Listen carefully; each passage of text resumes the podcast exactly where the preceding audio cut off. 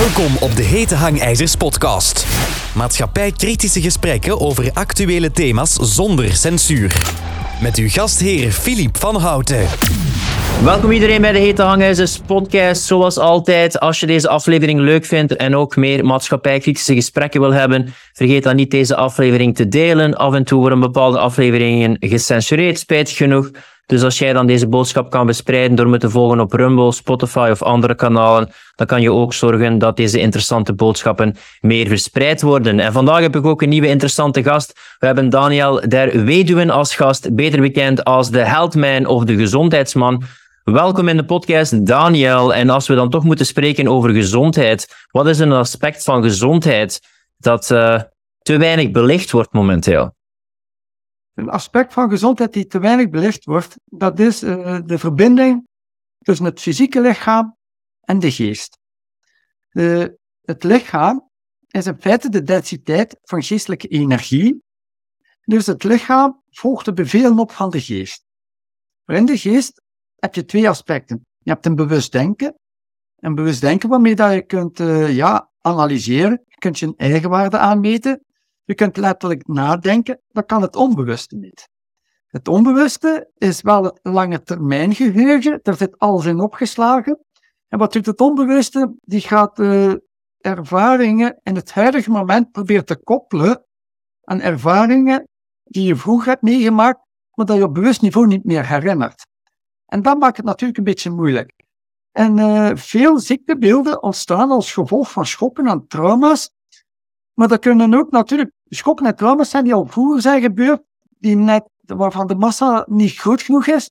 Maar door nieuwe indrukken en nieuwe schokken, dat de massa opstapelt, dat dan in één keer serieus conflictactief wordt, dan krijg je natuurlijk uh, ja, de conflictactieve fase. Ja, dan moeten we eerst mensen eens uitleggen natuurlijk. Jij bent ook een expert op de nieuwe Germaanse geneeskunde, want wij gaan eigenlijk uit volgens het model van, en vroeger op een blog was dat ook een van mijn eerste spoor, uh, posts, dat ging dan over het westerse model. Dat is eigenlijk iets van, er is iets extern dat mij binnenvalt. I fall ill, ik val ziek, het gebeurt tot mij. Ja. En Oosterse geneeskunde is meer van, wat in mij heeft ervoor gezorgd dat mij het natuurlijke weerstand en vitaliteit prooi gevallen is voor iets dat mij dan ziek gemaakt heeft. Inderdaad, en daar wil ik ook naartoe gaan. De vergissing die mensen maken, dat is gewoon het gegeven dat ze dus de oorzaak van de ziekte buiten zichzelf gaan zoeken. En dat is natuurlijk uh, gecreëerd, uh, dat is in elkaar gestoken door de illusie van immuniteit, infectie en besmetting.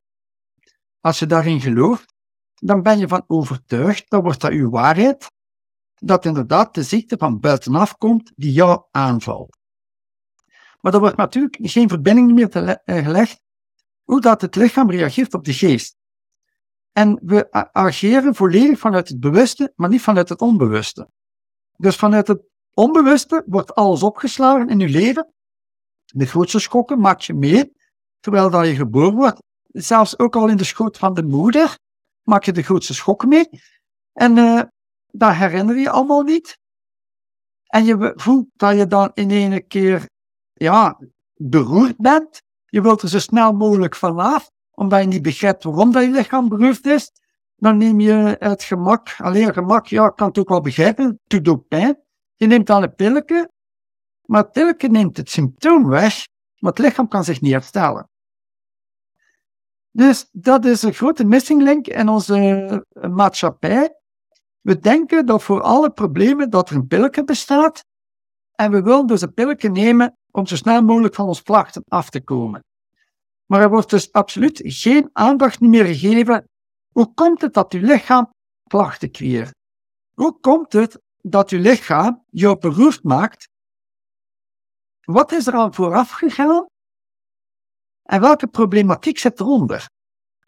En doordat we bijvoorbeeld op school ook de jeugd, de, de kinderen en het schoolsysteem, er wordt er constant ingewerkt op de linker hersenhelft, dat is het rationele gedeelte.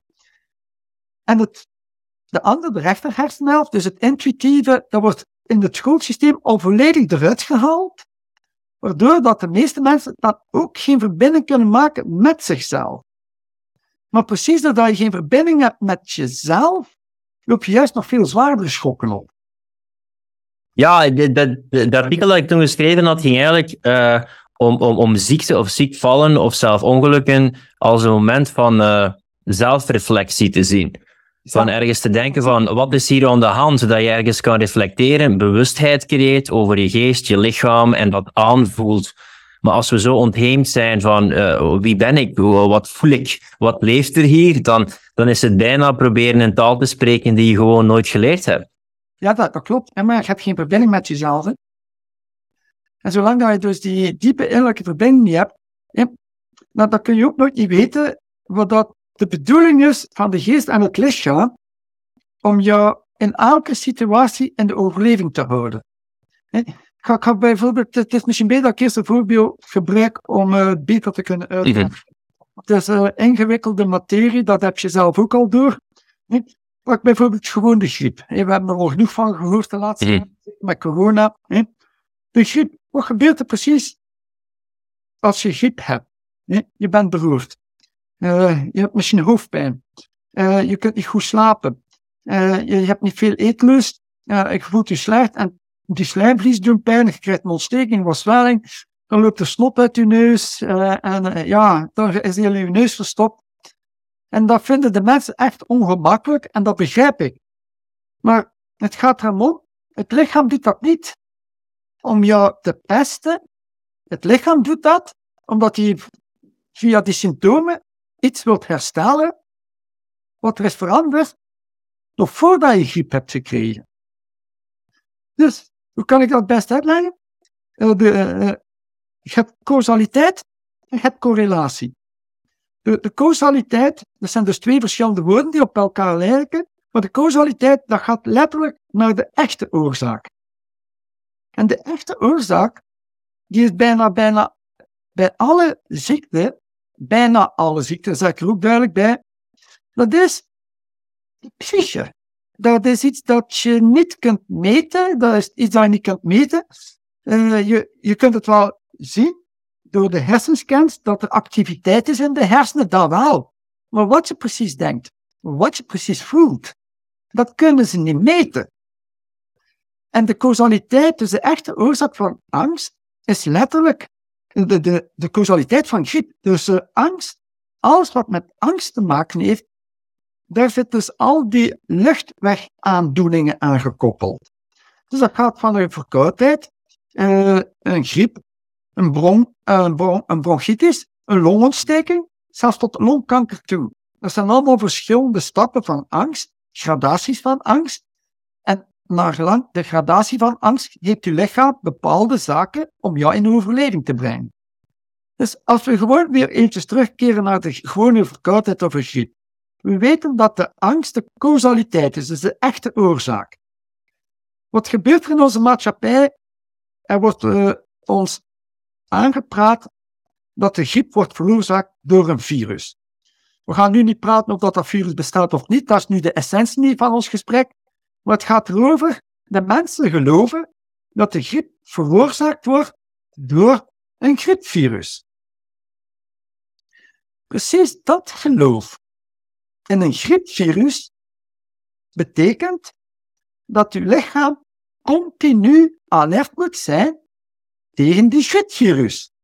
Dat betekent dat uw lichaam een hypothese nodig heeft om zich te kunnen verdedigen tegen dat griepvirus. Dus er zit allemaal angst aan gebonden. Ik kan eens advocaat van de duivel zijn, hè, want dat wil ik altijd wel weten om een beetje uit te dagen. Hè. Wat is de reden dan dat, als we dan echt spreken over het griepseizoen, dat meer mensen griep krijgen in uh, de winterperiode? Wel, in elke seizoen heb je een griep, maar in de winter heb je inderdaad veel meer griep. Maar ik wil erbij zeggen, de griep is de genezingsfase van een angstconflict die is opgelost in de mind. Dus je hebt een Want dat is iets van dat luisteren als er nieuwe kennis met de nieuwe Germaanse geneeskunde. En alsjeblieft, eh, drop gewoon nuttige links of eh, resources in de comments, zodat mensen zich kunnen informeren. Jij zal ook naar jouw materiaal verwijzen. Eigenlijk zie je daar een ziekte uh, als een soort van genezingsproces van een soort van uh, conflictverwerking of een soort van traumaverwerking. Dus eigenlijk denken van nu ben ik ziek geworden, maar het ziek worden is al een gevolg van een soort van heling van een conflict dat eraan vooraf ging. Dat conflict is eigenlijk de ziekte, want dat slaat neer in uw geest. En de ziekte zelf kun je beter vertalen als een heling, maar dat is niet leuk, want het maakt je beroerd. Dus het is de oorzaak, angst is de oorzaak van verkoudheid en griep. En naar gelang hoe zwaar dat de angst is, gaat de griep ook zwaarder zijn.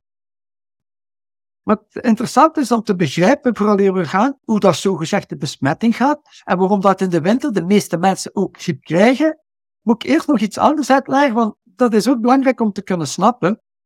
Het gaat erom, als je in de angst bent, dat betekent dat er een gevaar is.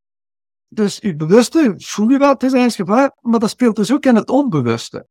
Dus de overleving staat helemaal bovenaan. Het lichaam wil overleven, maar er is een gevaar, maar je kunt het niet goed inschatten, dat gevaar. Natuurlijk, als je gelooft in een virus, is dat gevaar nog veel ernstiger, want het virus kan je niet zien. Dus dat vraagt voor het lichaam enorm veel energie om die energie op te brengen om alert te kunnen zijn. Dus in het gevaar ben je dus niet in staat om rationeel te denken. Omdat dat is energieverlies op het moment. Uh, in het gevaar gaat het zelfs gewoon de ratio voorbij. Het gaat erom dat je alert kunt zijn. Dus alert is niet hetzelfde als andere cognitieve functies. Alertheid is bedoeld om te overleven terwijl je in het gevaar zit. Dat vraagt veel energie. En waar gaat het lichaam die energie vandaan halen? Dat is vanuit de zuurstof. Vandaar dat de ademhalingswegen, ja, dat de griep ook op de ademhalingswegen neerslaat. En waarom die zuurstof? Die zuurstof heeft je lichaam extra nodig voor de stresshormonen. En de angst komt de stresshormonen naar boven, eigenlijk cortisol, maar ook adrenaline, de, de noradrenaline. En uh, het is zo de adrenaline is net als de insuline in staat om de suiker naar de weefsels te transporteren. Maar insuline transporteert suiker naar de weefsels voor metabole activiteit. Maar adrenaline eh, gaat die suiker niet transporteren naar de weefsels voor metabole activiteit. Nee, dat is om energie op te wekken om de geest bij te staan. Dus je hebt in feite in de angst heb je meer zuurstof nodig. En we kunnen dat ook zien, bijvoorbeeld een simpel voorbeeld, uh, je loopt op straat hè, en je bent met iemand bezig, bijvoorbeeld over spirituele zaken. En op het moment merk je dat er een hond achter jou is, een groot mond, en het schuim loopt zijn, uit zijn mond. Op een fractie van een seconde is van die spirituele gesprek, komt er niets meer van in huis, dat is in één keer weg. Je komt ogenblikkelijk in de overlevingsmodus. Die adrenaline wordt gevallen, die slijmvliezen van de ademhaling strekken zich razendsnel terug, want dan wordt de doorstroomcapaciteit groter. Als volume verwijt, krijg je meer zuurstof. Dus die, die stresshormonen krijgen dan extra zuurstof. Die kunnen dan natuurlijk de suiker en andere stoffen beter naar de weefsel brengen voor de energie op te wekken. En op het moment dat die hond in je kont gaat bijten, dan zien we dat ook. Dan doe je in een automatische reactie, dus dat is ook een overlevingsprogramma, doe je nog extra zuurstof. En, en dat is interessant om dat te kunnen begrijpen, dat je in de angst, dat dus die slijmvliezen zich gaan terugtrekken, waardoor dat er meer zuurstof naar de long kan stromen, waardoor dat je meer zuurstofopname hebt, waardoor dat je inderdaad voldoende energie kunt opwekken om die alertheid te kunnen vasthouden. En dat is dus allemaal de conflictactieve fase. Dus je voelt dat niet. Die weefsels trekken terug, maar je voelt dat niet. Je bent ook niet bewust dat je in de angst dat je ademhaling ook versnelt. Je bent er niet bewust van, want dat heeft ook geen zin om er bewust van te zijn. Overleving staat helemaal bovenaan. Zou je dat kunnen vergelijken met een soort van uh, schok die je niet doorhebt? Net zoals dat uh, je soms verhalen leest dan als een moeder haar kind moet redden, dat ze dan supermenselijke kracht ontwikkelt om dat toch te kunnen doen en dan achteraf moet uitputten doen, omdat ze dan pas even voelt hoeveel energie ze heeft moeten uh, nodig hebben om dat te doen. Dat is eigenlijk een heel mooie opmerking. Dat maakt het gesprek heel interessant. Want en zoals je een moeder, ja, ja, al een moeder haar kind en die speelt op straat en ze ziet er een 30 ton eraf komen. Ja, dat, dat lichaam van die moeder komt vol adrenaline en uit haar angst. Dat is eigenlijk angst op een heel hoog niveau, dat eigenlijk liefdevol is om haar eigen kind te redden, gaat ze haar eigen leven in gevaar brengen. Dus dat is een puur effect van liefde. Maar ze heeft natuurlijk power nodig, want ze moet die straat overlopen voor dat kind van onder, om te voorkomen dat het kind onder die 30 ton zou terechtkomen. En, en dat is precies het punt. Dus op dat moment, eh, dat gaat snel, krijg je zoveel zuurstof binnen. En als de adrenaline extra verrekt wordt met zuurstof, dan krijg je het stofje adrenochroom. En adrenochroom is letterlijk uh, de sterkste menselijke drug en dat geeft je superpower. Dus met adrenochroom is al in het geval van die hond. Je hebt een beetje adrenochroom, dan kun je over een muur van twee meter springen en op dat moment is je leven weer een gevaar, eh, eh, is je leven gered. Je bent overleefd. Die hond kan aan jou niet meer. En op dat moment komt er ontspanning in de geest. Of het gevaar is voorbij. En dan gaat natuurlijk het proces omgedraaid worden. En wat gebeurt er dan? De ontspanning komt erbij, dan zegt het lichaam, ja ja, ik heb nu alles gedaan om jou te helpen te overleven, maar nu wil ik dus die weefsels die ik heb veranderd weer herstellen in oorspronkelijke staat. Dus ik spreek heel graag over eh, tijdens de conflictactieve fase dat er structurele weefselveranderingen ontstaan in je lichaam met de bedoeling om jouw energie op te wekken dat je de conflict situatie zou kunnen overleven. Maar eens dat die conflict situatie opgelost is in de mind, dan wil het lichaam die structurele weefselverandering weer ongedaan maken. En dat, dat begint de warme fase.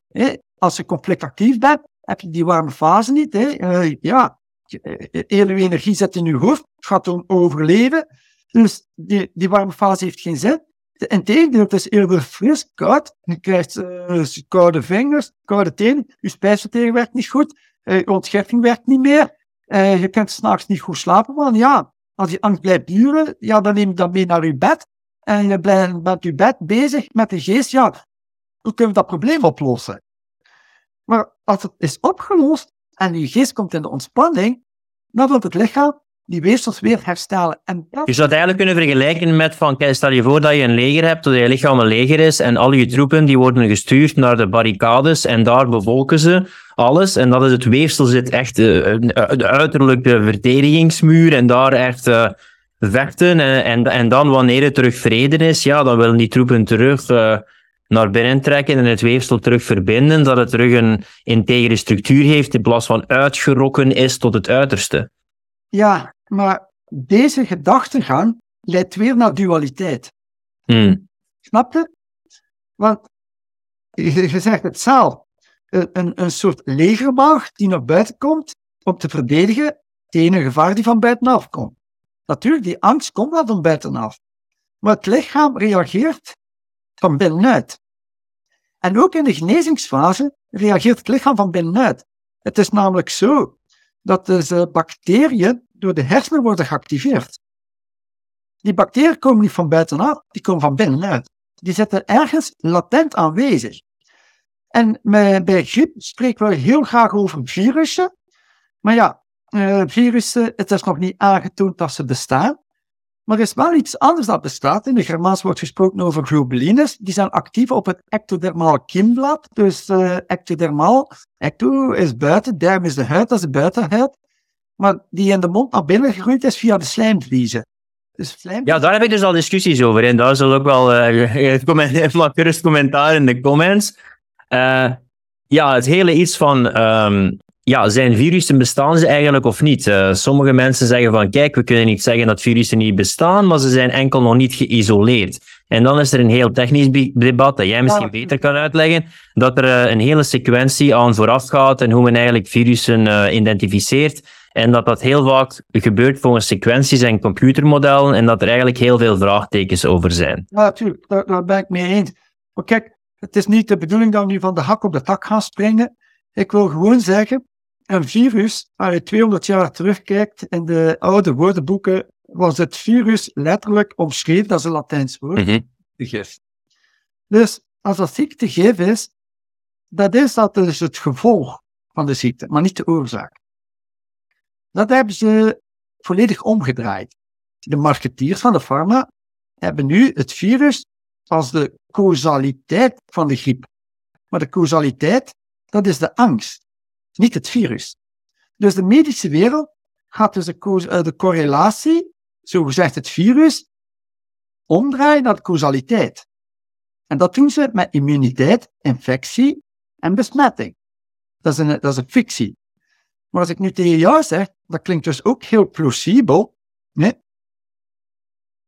als oorspronkelijk virusziekte betekent, zou dat ons even goed niet kunnen zijn dat het lichaam zelf uit het DNA eiwitjes haalt met erfelijk materiaal, waarmee dat de herstelling van de slijmvliezen boodschap kunnen doorgegeven worden, dat de slijmvliezen zich ook moeten ontgiften.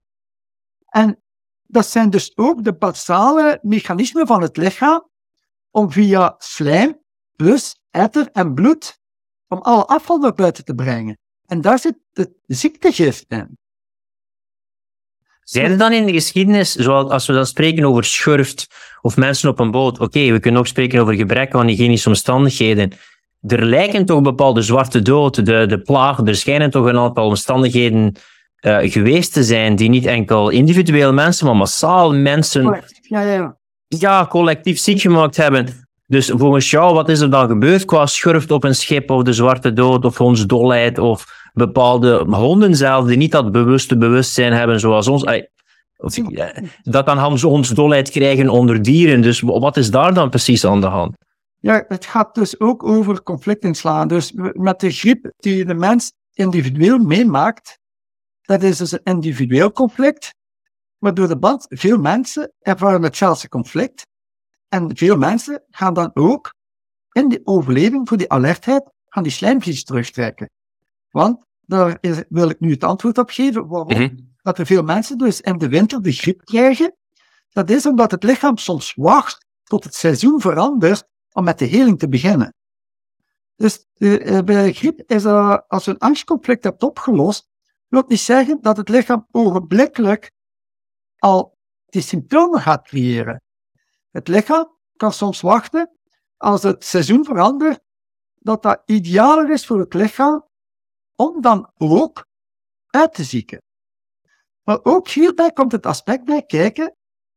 Veel mensen hebben een hekel aan winterweer. Mensen willen hebben dat het altijd 25 graden is en dat de zon schijnt.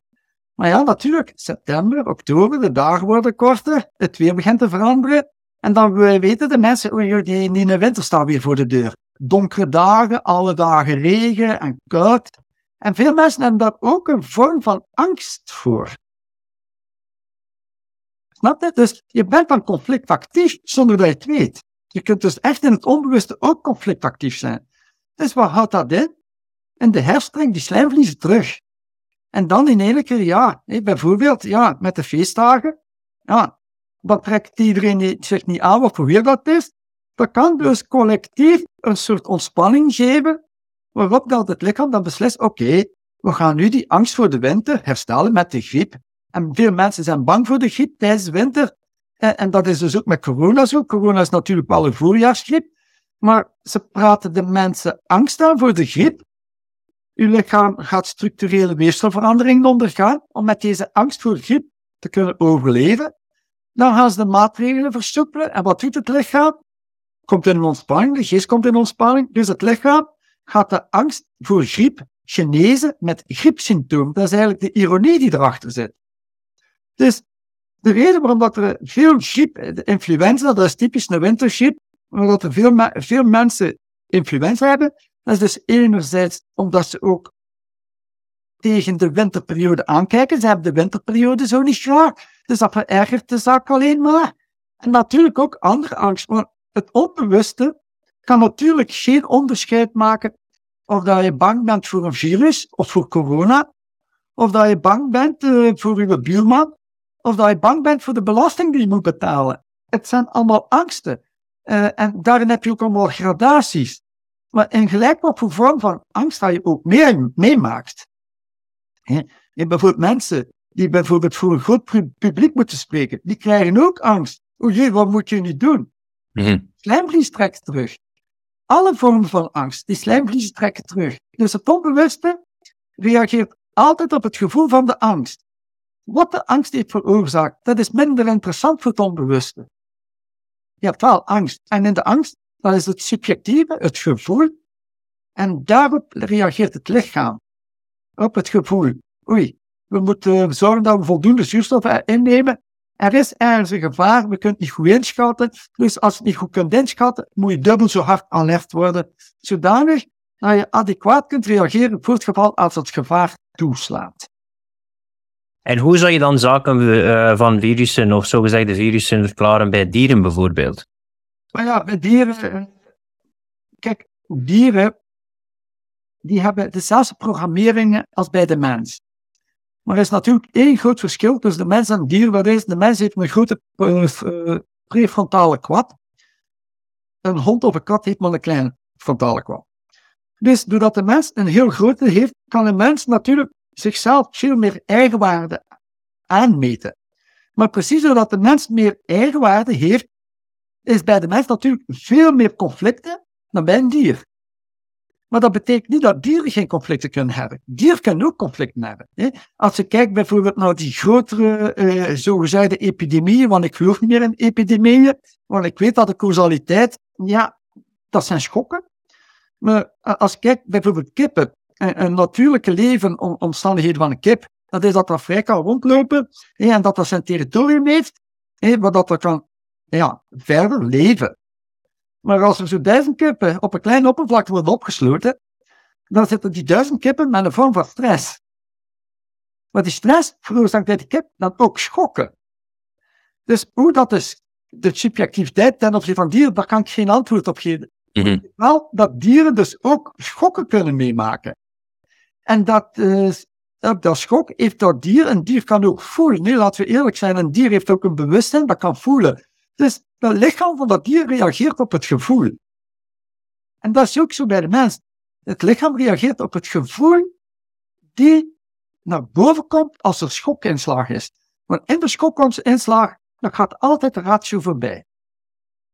Een vraag die ik heb is, eh, je hebt ook gezegd in bijna alle gevallen. Dus ik vraag me af van, want het is, het is belangrijk dat we ook verantwoordelijkheid nemen voor hoe we ons voelen en wat er gebeurd is, dat we dus als een leermoment kunnen zien. Maar wat zou je doen bij een kind dat vijf jaar is en leukemie heeft of kanker heeft of echt zo'n eh, een ongeneeslijke ziekte? Hoe gaat de nieuwe Germaanse geneeskunde om met die gevallen? Maar kijk, eh, ten eerste, het woordje ongeneeslijk heb je uitgesproken. Dat heeft een enorme impact op het onbewuste gedachte. Ongeneeslijk betekent dat je niet meer kunt genezen. Wat zegt de Germaanse geneeskunde in feite? De andere zijde zegt in feite ongeneeslijk is altijd genezing van binnenuit. Het gaat erom om het te kunnen verdraaien. En bij een kind is dat natuurlijk een heel stuk moeilijker dan bij volwassenen. Omdat volwassenen, als ze ziek zijn, en we gaan de volwassenen terugbrengen, wat is er gebeurd voordat je ziek bent geworden? Nou, de schok. Een volwassene kan dat veel beter verwoorden dan een kind. Maar ik zeg jou wel degelijk, een kind, in het brillen van zijn bestaan, heeft wel degelijk de allerzwaarste schokken. En dat wordt onderschat. Ik ga bijvoorbeeld een voorbeeld geven. De navelstreng. Je goed begrijpen. De baby heeft negen maanden aan de navelstreng gehangen. Nog in uh, een zak water met 0,9% zoutgehalte. Dat is de isotone zoutgehalte diep uit de oceanen. Dat is nog iets archaïs van heel ver terug toen het leven vanuit de oceaan zich heeft ontwikkeld op het land. Die programmering komt vandaar nog altijd. En in natuur heb je altijd wat werkt, blijft bestaan, wat niet werkt, gaat verdwijnen. Dus het is al miljoenen jaren uit, dus het werkt en het zal altijd blijven bestaan. Dat is natuur. Natuur is niet dualistisch, in natuur heb je ook geen oorlog. Dus, maar als een kind, negen maanden, die diepe verbinding met mama heeft gehad via de navelstreng, en heel veel ontwikkeling, de embryo, en zo naar de foetus, en uiteindelijk als baby geboren te worden, dan is dat in de hoofdelijke, het foetus heeft ook al een waarnemend bewustzijn, is mama de allerbelangrijkste heftingsfiguur. Logisch. Dus de baby heeft natuurlijk ook een integriteit. Allee, Daniel, dat is normaal logisch, maar in deze tijd soms zijn sommige logische dingen niet meer logisch, maar voor mij Ja, dat- klinkt dat logisch. Ja, maar, maar de mensen hebben geen verbinding. Veel volwassenen kunnen zich niet meer inleven in de psyche van een baby, hoe dat de baby die de abstractie mist om de wereld te begrijpen, hoe dat de baby de wereld ervaart. Volwassenen kunnen het niet meer bevatten. Ik heb een vriend die wou bevallen met zijn vriendin. Ik zal zijn naam wel niet zeggen hier. En ja, die is uiteindelijk thuis moeten bevallen volgens hoe hij het wou. Want als het dus eh, moet gebeuren in het ziekenhuis, dan zijn er allerlei procedures. En dan moet dat binnen de zoveel uur gebeuren. Anders moet dat geïnduceerd worden. En dan knipt men die navelstrem eraf. Terwijl die normaal gezien, corrigeer mij, eh, natuurlijk afsterft. Zodat je die er aan moet eh, laten blijven en zo. Maar het is allemaal een mechanische procedure dat je door moet. En je moet passen binnen dat schema. Ja, natuurlijk maar, dat is allemaal tegen de natuur en van de mensen. Kijk, het gaat erom om te kunnen begrijpen hoe dat de psyche het ervaart als hij geboren wordt. Hij wordt uit die waterzak geduwd, dus dat is voor die baby letterlijk een sprong in het duister. Die komt ergens terecht, maar die kent er niks van. Kan ik een andere metafoor gebruiken eh, om de volwassen denken zo'n beetje te kunnen vergelijken met een baby die geboren wordt. Stel dat jij nu in een donkere kamer wordt geplaatst en daar staat een nieuwe machine die niemand niet kent. Jij kent die machine ook niet. Er zijn er meer dan 300 knopjes. Je krijgt geen handleiding, maar jij moet in het donker die machine bedienen. Dat is misschien de beste metafoor om te begrijpen. Dat is wat dat een baby meemaakt als hij geboren wordt. En je gaat in die donkere kamer, gaat de knopje indrukken en het gaat allemaal verkeerd aflopen. En dat is wat de volwassenen dus niet meer kunnen begrijpen van een kind. Maar een kind die negen maanden aan de navelstreng heeft gehangen, die wil op natuurlijke wijze ook overleven. Want dat zit er al in. Dus in het overleven wil dat kind het allerlaatste bloed uit die placenta hebben. Dat is een natuurlijk proces. Wat doen ze? De navelstreng veel te vroeg doorknippen. Gelukkig dat dat nu aan het veranderen is. Maar als ze de navelstreng te vroeg doorknippen, is dat trauma voor die baby. Want die baby kiest het eigen vrije wil, ik zeg duidelijk vrije wil, om door de navelstreng nog te blijven ademen, totdat hij het allerlaatste bloed heeft gehad. Gelijk in het oosten, de Ayurveda en ook in de Chinese geneeskunde, zijn er zelfs geboortes en er komt water, die baby zit nog uur te zwemmen in dat water, dat verdrinkt niet, want het ademt toch via de mama. En in één keer, als hij het laatste bloed heeft gekregen, komt die baby naar boven en die begint dan zelf met de longen te ademen. Maar wij knippen dat door. Dus die, die baby krijgt in één keer geen zuurstof. Natuurlijk gaan we de linkshandigheid en rechtshandigheid niet uitleggen, maar in veel gevallen, het te vroeg doorknippen van de navelstreng leidt naar een zuurstofconflict. Dat slaat neer op de bekercellen. De bekercellen is een onderdeel van de bronchie. En waar heb je veel kinderen op de bronchie? Dat is bronchiaal astma. Maar dat heeft te maken met dat zuurstofconflict. En daarbij komt er ook nog een keer, die baby krijgt een zuurstofconflict, maar zijn vrije wil is ook aangetast. Dus met andere woorden, hij wil blijven ademen, om die met de moeder, want die wil nog echt die verbinding hebben met mama. Ondanks dat hij al uit de schoot is naar buiten geduwd. Maar met die navelstreng voelt de baby nog de verbinding met mama. Maar die wordt in één keer afgesneden. Dus dat kan voor de baby een, een heel zware schok betekenen, een zuurstofconflict. Maar dat kan ook zijn, oei oei, mama ziet me niet meer graag. Ik, ik- ben van mijn moeder gescheiden. Eh, die baby kan in een verlatingsangst terechtkomen. Die baby kan een schrikangst hebben. Een schrikangst, ja, dat slaat ook neer op de bronchie. Afhankelijk van links- of rechtshandigheid kan het ook in strottenhoofd neerslaan. Maar ja, we hebben niet alleen bronchiaal astma, we hebben ook astma op het strottenhoofd. Tuurlijk, tuurlijk. En het is precies daaruit. Hè? Dus eh, afhankelijk van al die schokken, moet ik er ook wel bij zeggen, alle baby's reageren ook niet op dezelfde wijze. Dus het is ook weer al subjectief. Eh, eh, Het baby's die kiezen schrikangst, andere baby's zitten in de verlatingsangst, de anderen voelen zich afgescheiden van mama. Kan van alles zijn. Maar dat wordt door de psyche van dat babytje bepaald. Want dat is het gevoel dat in dat babytje is. En dat weten wij als volwassenen niet. Dus de overleving tijdens die schok is natuurlijk voor de baby cruciaal. En dan gebeuren er inderdaad ook afhankelijk van het gevoel van de schok bepaalde structurele weefselveranderingen in het lichaam, om die schok te kunnen overleven. En eens dat dat een beetje is opgelost, dan ontstaat natuurlijk ja, de ziekte. En dan gaan we zeggen, ah, het is ongeneeslijk. Maar je moet ook niet vergeten, een kind en de foetus, de baby, neemt energetisch de emotionele toestand van de mama volledig over. Als mama tijdens de zwangerschap trauma's heeft meegemaakt, dan neemt de baby dat gewoon over. De baby komt geboren, mama is ontspannen, dat betekent voor de baby ook ontspanning. Maar ja, dit heeft dat trauma overgenomen van de moeder, dus de baby krijgt daardoor ook die weefselverandering, net als bij de moeder, en dikwijls nog veel erger, omdat een baby zich verbonden voelt met moeder en zich ook verantwoordelijk voelt voor de moeder. Eigenlijk zie je dat toch een beetje, want ik heb het ook zelden meegemaakt bij mij. Uh, als je soms dat interrationeel trauma ziet of waar het vandaan komt, dan ga je zelf eigenlijk door een soort van fase dat je eerst heel erg vecht en een conflict hebt en kwaad bent en boos bent en waarom gebeurde dit en, en, schuld en schaamte. En, en, dan, en dan probeer je om een duur ja, heling of ervaring te hebben en te integreren. Want je kan niet in de tijd teruggaan en die dingen herstellen natuurlijk. Je kan niet je geboorte nee, opnieuw beleven. Maar, maar, maar dat is nu precies het werk dat ik eigenlijk ook alle dagen doe. Mensen die bij mij komen. Hè. Dus uh, dat is, we weten nu in het prille van uw bestaan dat je de zwaarste schokken kunt meemaken. Hè. Je gaat baby's in een couveuse terechtkomen. Ja, de couveuse kan het leven van die baby redden, akkoord. Maar het is de mama die erbij moet blijven. Maar mama is er niet. En die baby zit bijvoorbeeld monden met een rare kap. Eh, en gelijk zeggen, met corona nog een mondmasker. Dat is een extra schrik. Die, die baby er met angst. Dus vele kinderen, en zeker van onze generatie, die hebben in, in de, tijdens de geboorte heel veel angstconflicten gehad. Wat betekent dat?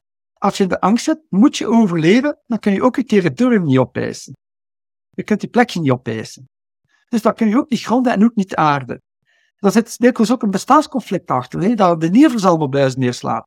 Dus de moeilijkheid dat veel mensen hebben, dat is, ze, weten ergens dat ze die conflicten vanuit het prillen van hun bestaan moeten oplossen. En dat is ook zo. Je gaat het ergens moeten oplossen, uh, wil je inderdaad ervan af zijn dat je lichaam volledig de genezingsfase kan doorgaan om zo naar volledige gezondheid te kunnen evolueren. Dat is allemaal waar. Maar de mensen proberen een kinderlijke conflicten op te lossen met de psychologische toestand die ze op dit moment hebben. En dat werkt dus niet. Omdat het innerlijk kind in jou, waar we kunnen spreken van een innerlijk kind, kan de psychische toestand die je nu hebt ook niet begrijpen. Dat is een valkuil. En de tweede valkuil die erbij komt is, ik heb daar juist gezegd, als bijvoorbeeld het voorbeeld van de navelstreng die te vroeg doorgeknipt wordt, dat is dus uh, letterlijk, dat kan een aanval zijn op de integriteit van de baby, uh, dat, dat kan een scheidingsconflict worden, dat kan van alles zijn, afhankelijk hoe dat de baby dat op dat moment ook ervaart. Maar moet dan ook begrijpen, die baby komt dan in een overlevingsmodus, waardoor dat hij zijn eigen levensenergie, die hij bij de geboorte heeft meegekregen, niet kan gebruiken voor zichzelf. We, we, kunnen eigenlijk uh, in een metafoor leggen dat dikwijls uit, ook uh, naar de mensen die bij mij komen, want dat, dat begrijpt de mensen het beste. De levensenergie die iedereen meekrijgt bij de geboorte, dat omvat al je energie en ook je vrije wil. Dat kunnen we metaforisch dus in een gouden muntstuk uitleggen. Dus, dus bij de geboorte krijg je een gouden muntstuk. Maar als het kind in schokken zit, of mama en papa hebben ruzie, ook mama en papa zitten ook in de problemen. Het kind kent het verschil niet tussen intentie en verantwoordelijkheid, die gooit dat door elkaar. Dan kan het kind deze gouden muntstuk voor zichzelf niet gebruiken, want als hij dat voor zichzelf gaat gebruiken, dan gaat hij juist nog meer gescheiden worden van de ouders. Maar in de psyche van het kind, het moet bij de kudde horen. Hè? En de dierenwereld zien dat ook. Een jong die geboren is, moet bij het roedel horen. Het is pas als het jong bij de troedel hoort dat het jong kan overleven. Dat programma zit dus ook bij een nest. De baby moet bij mama en papa kunnen zijn om te overleven. Van een baby zonder mama en papa gaat sterven. Dus onder deze condities is de overleving staat helemaal bovenaan, waardoor dat de baby zijn gouden muntstuk, zijn vrije wil, gaat afgeven aan mama of papa, die in feite metaforisch de levensverzekering is. Dus wat doet de baby? Zijn de gouden muntstuk gebruiken om de levensverzekering te kunnen verzilveren. Dat is wat er precies gebeurt. En dat begrijpt iedereen.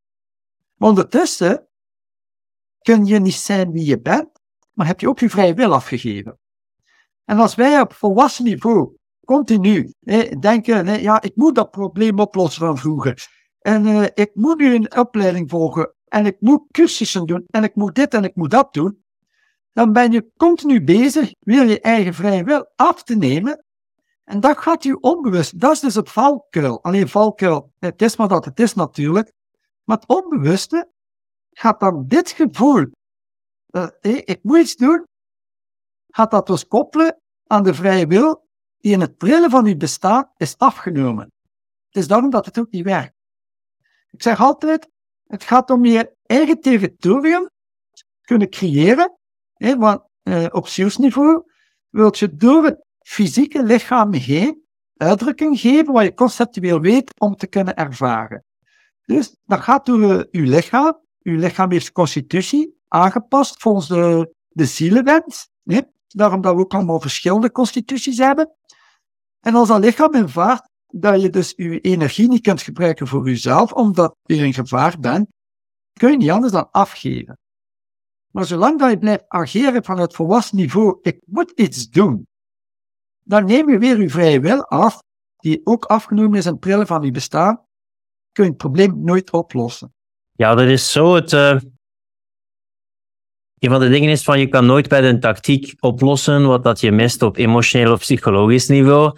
En je hebt dan soms van die holding patterns, van die vasthoudpatronen. En je steekt zoveel energie om dat beeld van jezelf te behouden, omdat je gewoon niet veilig voelt. Maar dat veilig voelen is altijd afhankelijk van externe omstandigheden. Dus je, dat maakt het zo moeilijk. Je verlangt zo erg naar veiligheid en je dankt zoveel vast aan dingen vasthouden, dat je, dat je denkt van als ik dat loslaat, dan verlies ik mezelf en word ik overgelaten aan een wereld, aan een familie, aan naasten die niet om me geven en dan, dan sterf ik eigenlijk, dan ben ik verloren. Begrijp nu, nu, nu, nu zeg je precies de essentie. Dat is wat je onderbewust gaat koppelen toen dat de, de trauma is ingeslagen in de baby. Dus zie, eh, Filip, het is een heel mooie opmerking.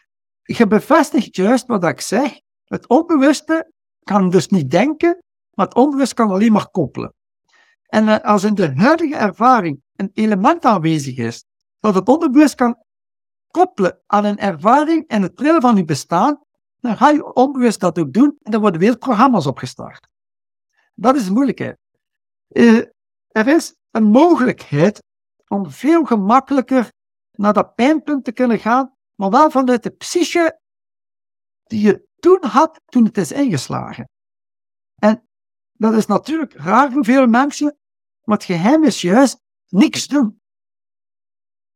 Want ja, maar ja, kijk, zolang dat je continu actief bent en je zit dit en dat, uh, dan zie je niet wat er precies op je pad komt, waarmee dat je verder kunt uit de vrije wil. Je ziet het niet, maar je legt je een dwang op. Al je aandachtsenergie is erop gericht. Dus dat is ook weer een wet uit de kwantumfysica. Datgene waar je aandacht geeft, ga je als een magneet aantrekken. Dat bestendigt je in je ervaring. Ja, en dan heb je het gelijkgezinde, die ook het gelijkgezinde ook altijd aantrekt. Maar als jij nu, hè, je zegt angst, oei angst. En ja, ik wil me geboren voelen. Maar je in de angst kun je niet geboren voelen. Maar in de angst heb je ook je territorium niet.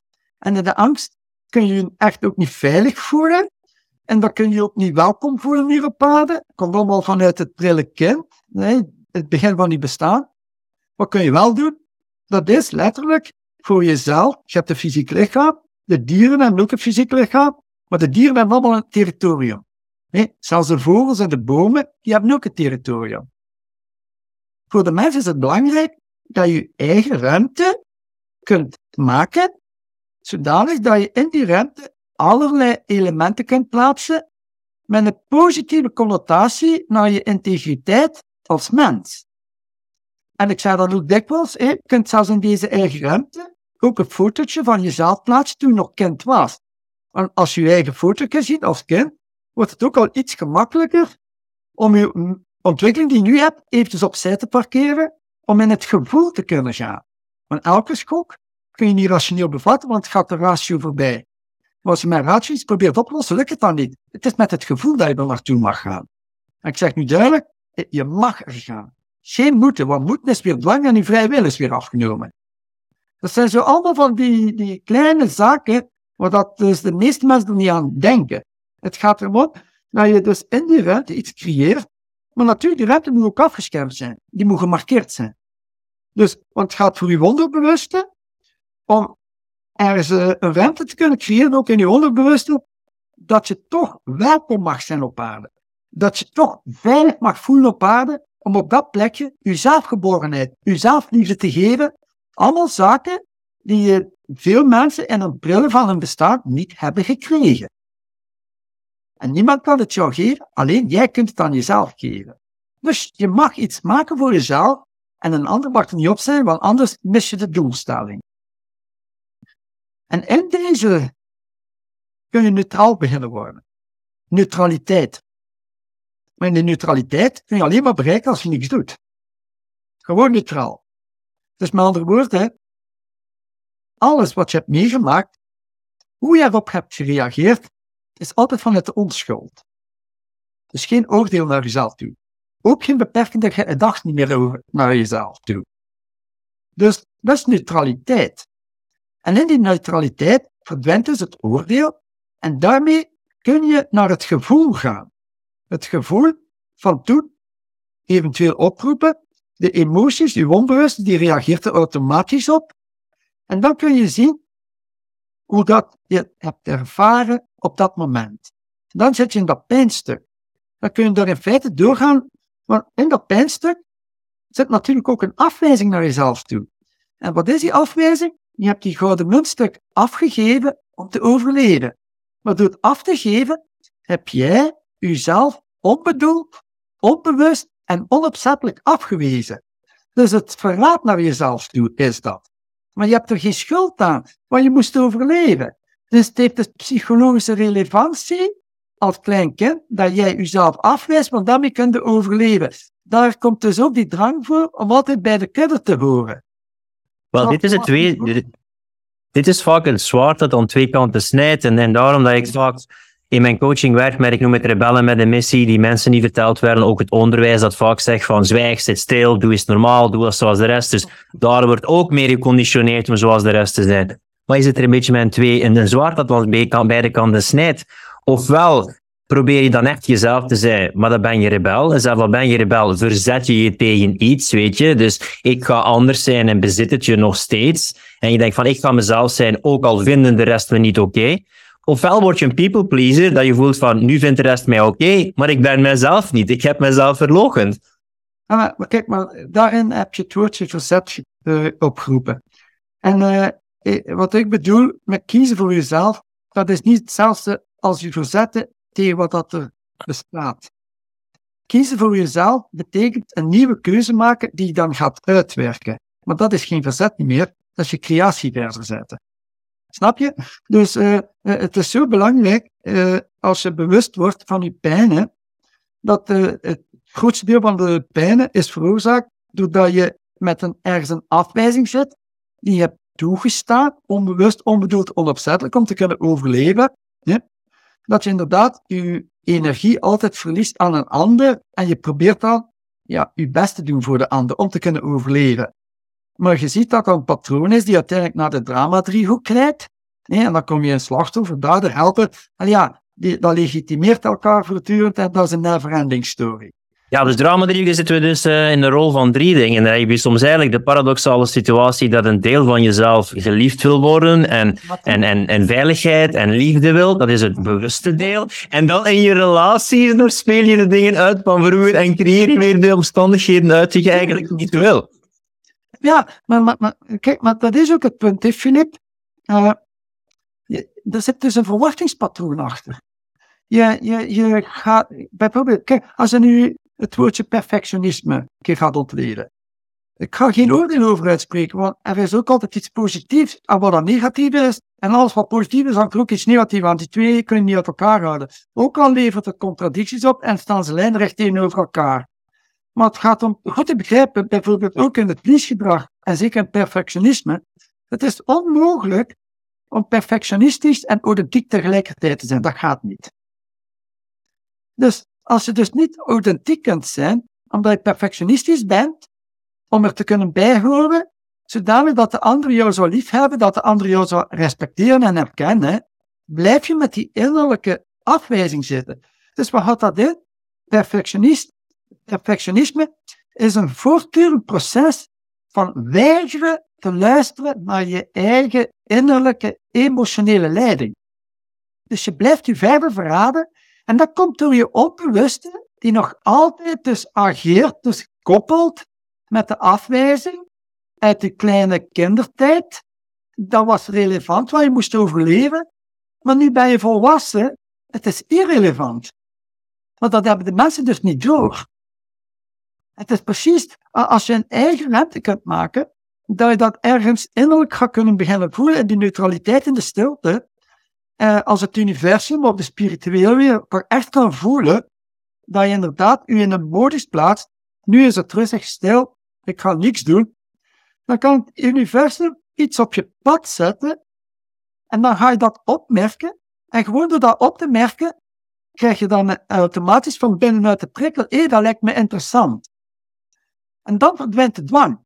Dan heb je keuze weer. Dan kun je kiezen, hé, dat lijkt me interessant, ik ga het nu doen. Maar je kunt ook kiezen, ah, voel me nu juist ontspannen, wil nog eventjes in blijven. Dan doe je dat later. Maar je hebt wel een keuze.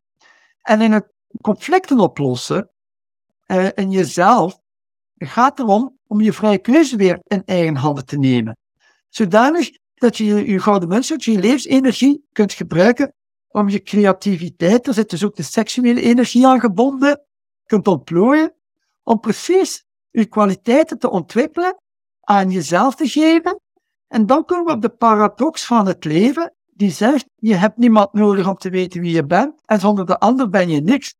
Als je die paradox begrijpt, geeft dat veel vreugde. Begrijp je niet, ja, dan zit je sowieso in de drama-driehoek en je de ene schok naar de ander. Dus als je beseft dat je niemand nodig hebt om te weten wie je bent, ja, de logica zelf zegt, dan heb je zelf nodig om te weten wie je bent. Dus wat houdt dat in? Dat je eerst alles aan jezelf moet geven. En, en, het, en het mooie, de magie van het leven is, als je dan die verbinding hebt met jezelf, die pijnpunten, die afwijzing, dat is allemaal op. En je moet het ook toelaten, hè, Daniel? Het is niet alleen geven, je moet het ook kunnen toelaten. Ja, ja, akkoord, akkoord. Maar ik wil eventjes nog bij de kern blijven.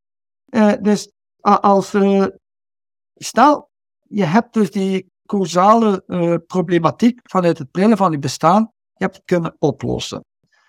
Dus die belasting, dat is de last van de schouder die afvalt en je hebt je gouden muntstuk terug in je hand. Met die gouden muntstuk terug in je hand, ja, dan ga je creativiteit kunnen laten ontwikkelen. En dan gaat je bewustzijn opengaan. En vanuit dat bewustzijn ga je sowieso jezelf op de eerste plaats blijven stellen. Zodat je altijd aan jezelf alles kunt geven. op die manier heb je verbinding met jezelf. En dat is de magie van het leven. Als je verbinding hebt met jezelf, dan zijn je automatisch ook verbonden met iedereen. Maar dat is uh, wat in de kwantumfysica ook gezegd wordt. We zijn, alles is energie en alles is één.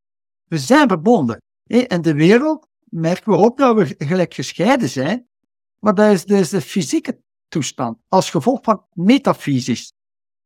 In de metafysica, in het hoogbewustzijn, zijn we allemaal verbonden. En daar gelden dus andere uh, wetten op, universele wetten op. Als jij verbonden bent met jezelf, ben je ook verbonden met een ander. Dus wat je dan geeft aan jezelf, geef je automatisch ook aan de ander. Maar wat je nalaat te geven aan jezelf, kun je onmogelijk geven aan een ander, want de ander weet niet wie dat je bent, omdat jij zelf ook niet weet wie je bent. Die energie ben je kwijt. En dat is precies het drama-driehoek. Je hebt een bepaald trauma meegemaakt, en dan komt er een ander op je pad die ook dat trauma heeft meegemaakt. En je herkent natuurlijk zijn pijn, en je wilt de ander helpen, maar je eigen probleem is niet opgelost. Dus je gaat helpen, maar je bent die energie kwijt, want die ander is niet bij jou gekomen om geholpen te worden door jou. De ander is zijn energie kwijt en die wil zijn energie ophalen bij jou. Dat is een Brahma-driehoek. als je echt in verbinding staat met mezelf, is dat dat ik zelf ervaar. Want ik heb heel, ja, mijn, mijn stuk niks opgelost. Ik heb verbinding. De mensen komen naar mij en ze bekijken mij zoals ik mezelf bekijk. Ik heb mezelf lief. Ik vind mezelf waardevol. Ik herken mij. Ik herken mijn kwaliteit. Ik weet wie ik ben. En dat geloof in mij, dat vertrouwen in mij, dat is een indicatie voor het universum of voor de spirituele wereld, dat ik verbinding heb met mijn innerlijk manneke, met mijn ziel. Dat heb ik verbinding met een ander. En doordat ik al van mezelf heb gegeven, heb ik ook al mijn problemen opgelost. Heb ik de ervaringen. Dan komt de ander bij mij, maar die komt niet om mijn energie te halen. Die komt echt naar mij. Die neemt mij serieus, omdat ik mezelf serieus neem, om zijn probleem op te lossen. En ik kan advies geven. Die gaat er ook mee aan de slag. En wat is het gevolg Die energie die ik dan nodig heb om iemand te helpen, dat is niet mijn levensenergie, dat is de energie van het universum die ik gebruik. En dat krijg ik dubbel en dik terug van alle mensen. En dat is het mooie in het leven. Het gaat echt eerst om jou. En doordat we in een conditionering zitten, we zien dat maatschappelijk, de kinderen op school, ja, sowieso altijd de linker hersenhelft, het rationele gedeelte. En dan wordt ons opgedrongen, je moet eerst een ander helpen, eerst een ander helpen, eerst een ander helpen. En dan met corona heb je het ook gezien, uh, je moet het doen voor een ander. Je doet het voor een ander. Maar ik zeg overal, ook op mijn lezing die ik geef, ik doe niks voor een ander. Alles wat ik doe, doe ik voor mezelf. Maar precies daardoor doe ik het ook voor de ander. En, en, en, en, wat bedoel ik? Als ik zeg, als ik bijvoorbeeld een lezing geef, ik heb van de jaar 70 lezingen gegeven, dus dat is redelijk veel. Maar het is precies door al die lezingen te geven dat ik voor mezelf doe, dat ik dus die kennis echt onder de knie krijg. Dat is wat ik bedoel, ik geef het aan mij. Daardoor geef ik het aan een ander. En van de lezing krijg ik gewoon alleen maar energie erbij. Ik heb het voor mezelf gedaan, heb het ook voor de ander gedaan. Maar als ik ga geven met de bedoeling voor de ander, dan gaat het nooit zo werken. En de meeste Hoe weet iemand of dat je het voor jezelf doet, of dat het niet uh, narcistisch, narcistisch of egoïstisch is? Ja, ja, ja. Kijk, daar, daar trekt natuurlijk ook het gelijkgestemde, het gelijkgestemde aan. Uh, als je kiest om je bewustzijn te verruimen, wat betekent dat? Dat je de ratio natuurlijk gaat verbinden met het intuïtieve buikgevoel. De ratio alleen is waardeloos, dat weten we allemaal. Maar de intuïtie alleen is ook waardeloos. De meerwaarde zit in de verbinding. En, en uh, de intuïtie is eigenlijk het vrouwelijke element, de anima. En de anima is een vrouwelijke energie die heel krachtig is, die zegt precies aan het ratio waar het moet gaan zoeken. Dus als je met je ratio aangestuurd wordt, geleid wordt door je intuïtie, en het universum voelt dat je inderdaad je problematiek, je, je, zogezegd comfortzone, ja, lelijk woord, maar spreek liever van een kerngedachte, je wilt dat oplossen, je wilt bestaansrecht geven, dan gaat het universum dat ook voelen, daarin gaat het gelijkgestemde aantrekken. Dus als je echt geholpen wordt, dat is ook moedig om hulp te vragen, dan krijg je ook mensen die jou kunnen helpen, maar wel op een manier dat je niet afhankelijk wordt van de ander. Want ik doe nooit aan klantenbinding. Ik, wil, ik weet heel goed dat de vrije wil, dat dat universeel is. Dus alle mensen, er zijn veel mensen die bij mij, ja, wanneer is het volgende consult? Maar ik zeg, ik doe geen, geen, uh, ik doe geen binding aan klanten. Als je met mij nog praten, dan kun je zelf weer contact opnemen om een afspraak vast te leggen. Maar ik doe geen binding, omdat ik heel goed weet uh, van het hoge bewustzijn. Ja, ik heb, ik, doe ook, uh, ik heb ook verbinding met de spirituele wereld. Dat is een mediamieke training. En ik weet dat ik voor sommige mensen een keer nodig ben om de, de mensen ergens in de richting te brengen. Maar er zijn nog andere mensen die die mensen misschien ook nodig hebben om verder geholpen te worden. Dat weet ik niet. Als ik een klant ben, dan neem ik de klant de mogelijkheid af om in contact te komen met iemand anders. En dat is ethisch niet correct. Daarom doe ik geen klantenbinding. En dat is wat het universum dus heel goed voelt aan mij, dat ik dus in mijn werk op een heel zuivere manier naar buiten wil brengen. Dus als je zo te werk gaat, dan marketing en al, dat dat mij geen, geen s'nachts interesseert. Bij mij gaat het erom, ik weet wie ik ben. Ik heb de verbinding met mezelf. Ik weet waarmee ik bezig ben. De mensen mogen komen bij mij uit vrije wil, want dat is voor mij enorm belangrijk, de vrije wil. dan weet ik dat die mensen bij mij komen, dat ik ze kan helpen. En als ze nog een keer komen, kan ik ze weer helpen. Maar als ze niet meer komen, dat is ook oké. Dan worden ze misschien door een ander geholpen, die misschien belangrijker is op dat moment voor hun. Een verdere ascensieproces. Begrijp je wat ik naartoe wil gaan? Als jij zegt, je weet wie je, wie je bent, natuurlijk, uh, waar zou iemand kunnen beginnen om te weten wie ze zijn? Wat zou de eerste stap kunnen zijn voor mensen die soms zeggen, misschien hoor je dat ook soms, ik, ik ben mezelf verloren, ik ben de weg kwijt, ik, ik weet niet meer wie ik ben. Wat, doe je dan in zo'n situatie? Of wat? Ja, kijk, uh, meestal, uh, als je zo reageert vanuit de slachtofferschap, ja, die mensen ga ik niet helpen, dat begrijp je ook wel, dat is voor mij energieverlies. Maar je hebt dus mensen die inderdaad uh, de koe bij de hoens willen pakken. En die zien dan aan mij dat ik een andere energie heb, want dat is de uitstraling die ik heb. En die zijn, hey Chan, Daniel weet misschien iets, die kan mij misschien helpen, ik zeg maar iets. Die gaan dan naar mij. En dan is het natuurlijk wel heel belangrijk dat ik eerst naar het verhaal kan luisteren. Ik kan zomaar niet iets zijn tegen iemand als ik niet weet wat het verhaal is dat die iemand heeft meegemaakt. Dus dat geldt ook voor de grammatische geneeskunde. Als je het conflict een beetje wil traceren, wat dat een mens heeft meegemaakt, ja, dat is op zijn minst 90 niet maar een uur en een half luisteren.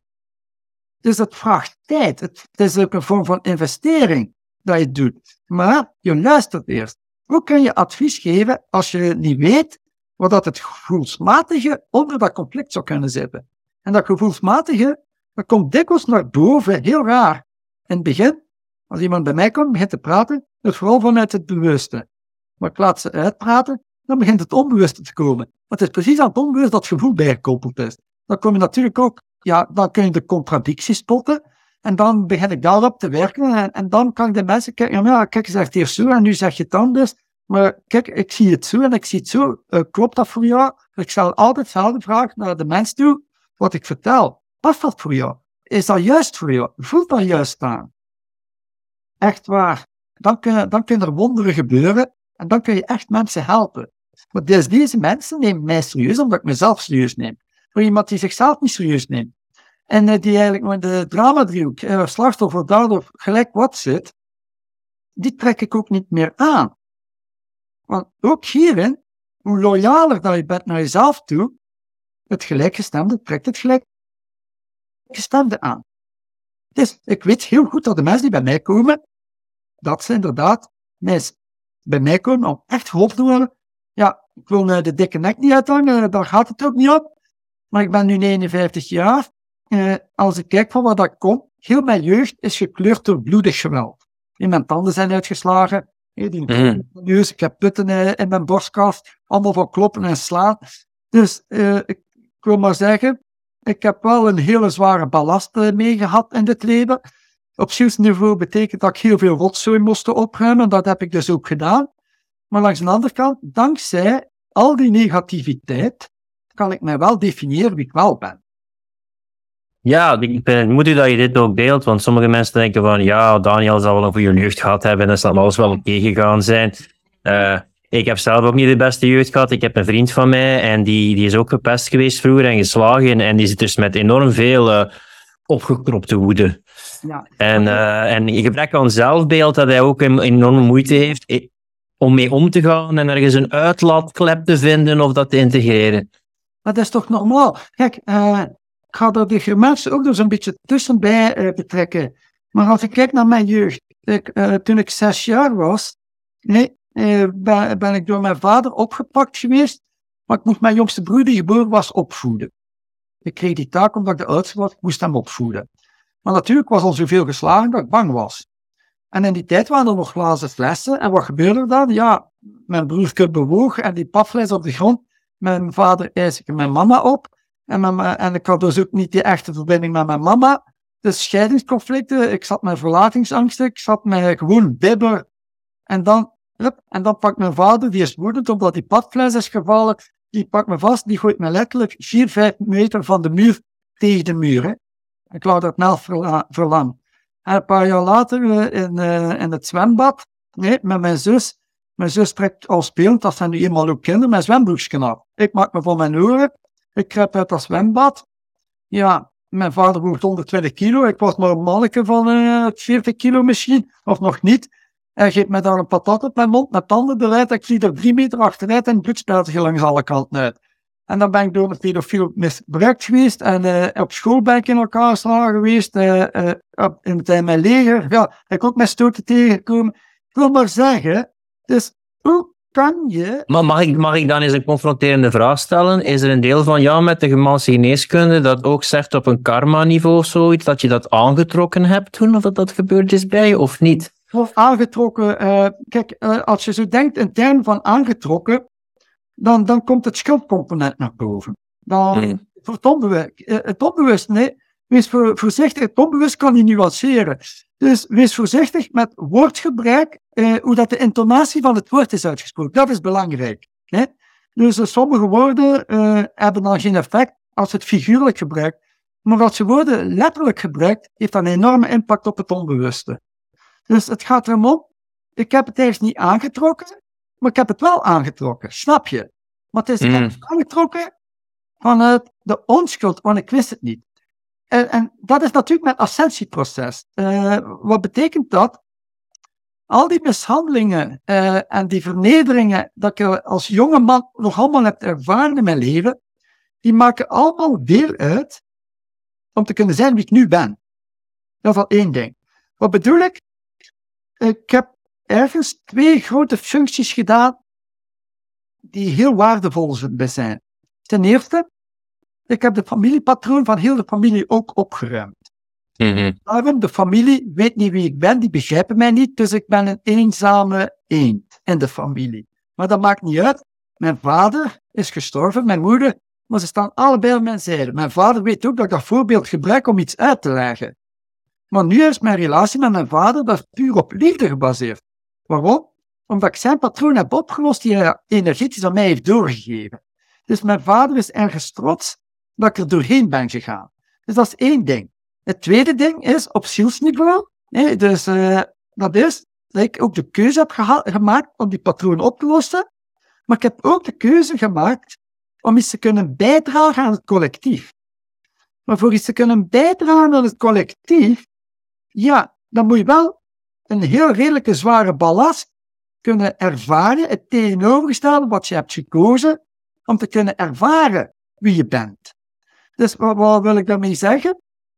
Hoe zwaarder dat uw uh, leidersweg was, dat is eigenlijk een signaal dat uw nobele intentie ook heel groot is. Je gaat mensen die soms op aarde komen en het gaat allemaal vanzelf. Dat is eigenlijk een ziel die een fysiek leven neemt om op vakantie te gaan. Dus dat wordt ook een gun. Kan misschien in mijn volk I don't know it. Maar dat maakt ook niet uit. Wat in mijn leven niet maakt, dat is als ik uh, met eenvoudige woorden mijn liefde en mijn licht die ik voel voor alle mensen, want daar gaat het om. Ik heb alle mensen echt lief. Bij mij is dat onvoorwaardelijke liefde. En uh, op zielsniveau is dat een concept. Maar tussen het concept en het kennen van het concept, daar zit een heel groot verschil in. Daarom heb ik aan alles wat ik heb gepland om tot uitdrukking te brengen, om daar die empirische ervaring te hebben, heb ik ook het tegenovergestelde erop gezet. Dat is wat hij hebt aangetrokken. Je kunt nooit het licht en liefde tot in de point ervaren als je niet weet wat dat de duister is. Uh, als je wilt ervaren wat warmte precies is, dus de, de kern van warmte, uh, de diepgang en de warmte om dat te kunnen ervaren. En je gaat naar de Evenaar wonen, waar dat heel jaar rond 30 graden is, dan ga je wel weten dat het warm is, maar dat blijft het bij.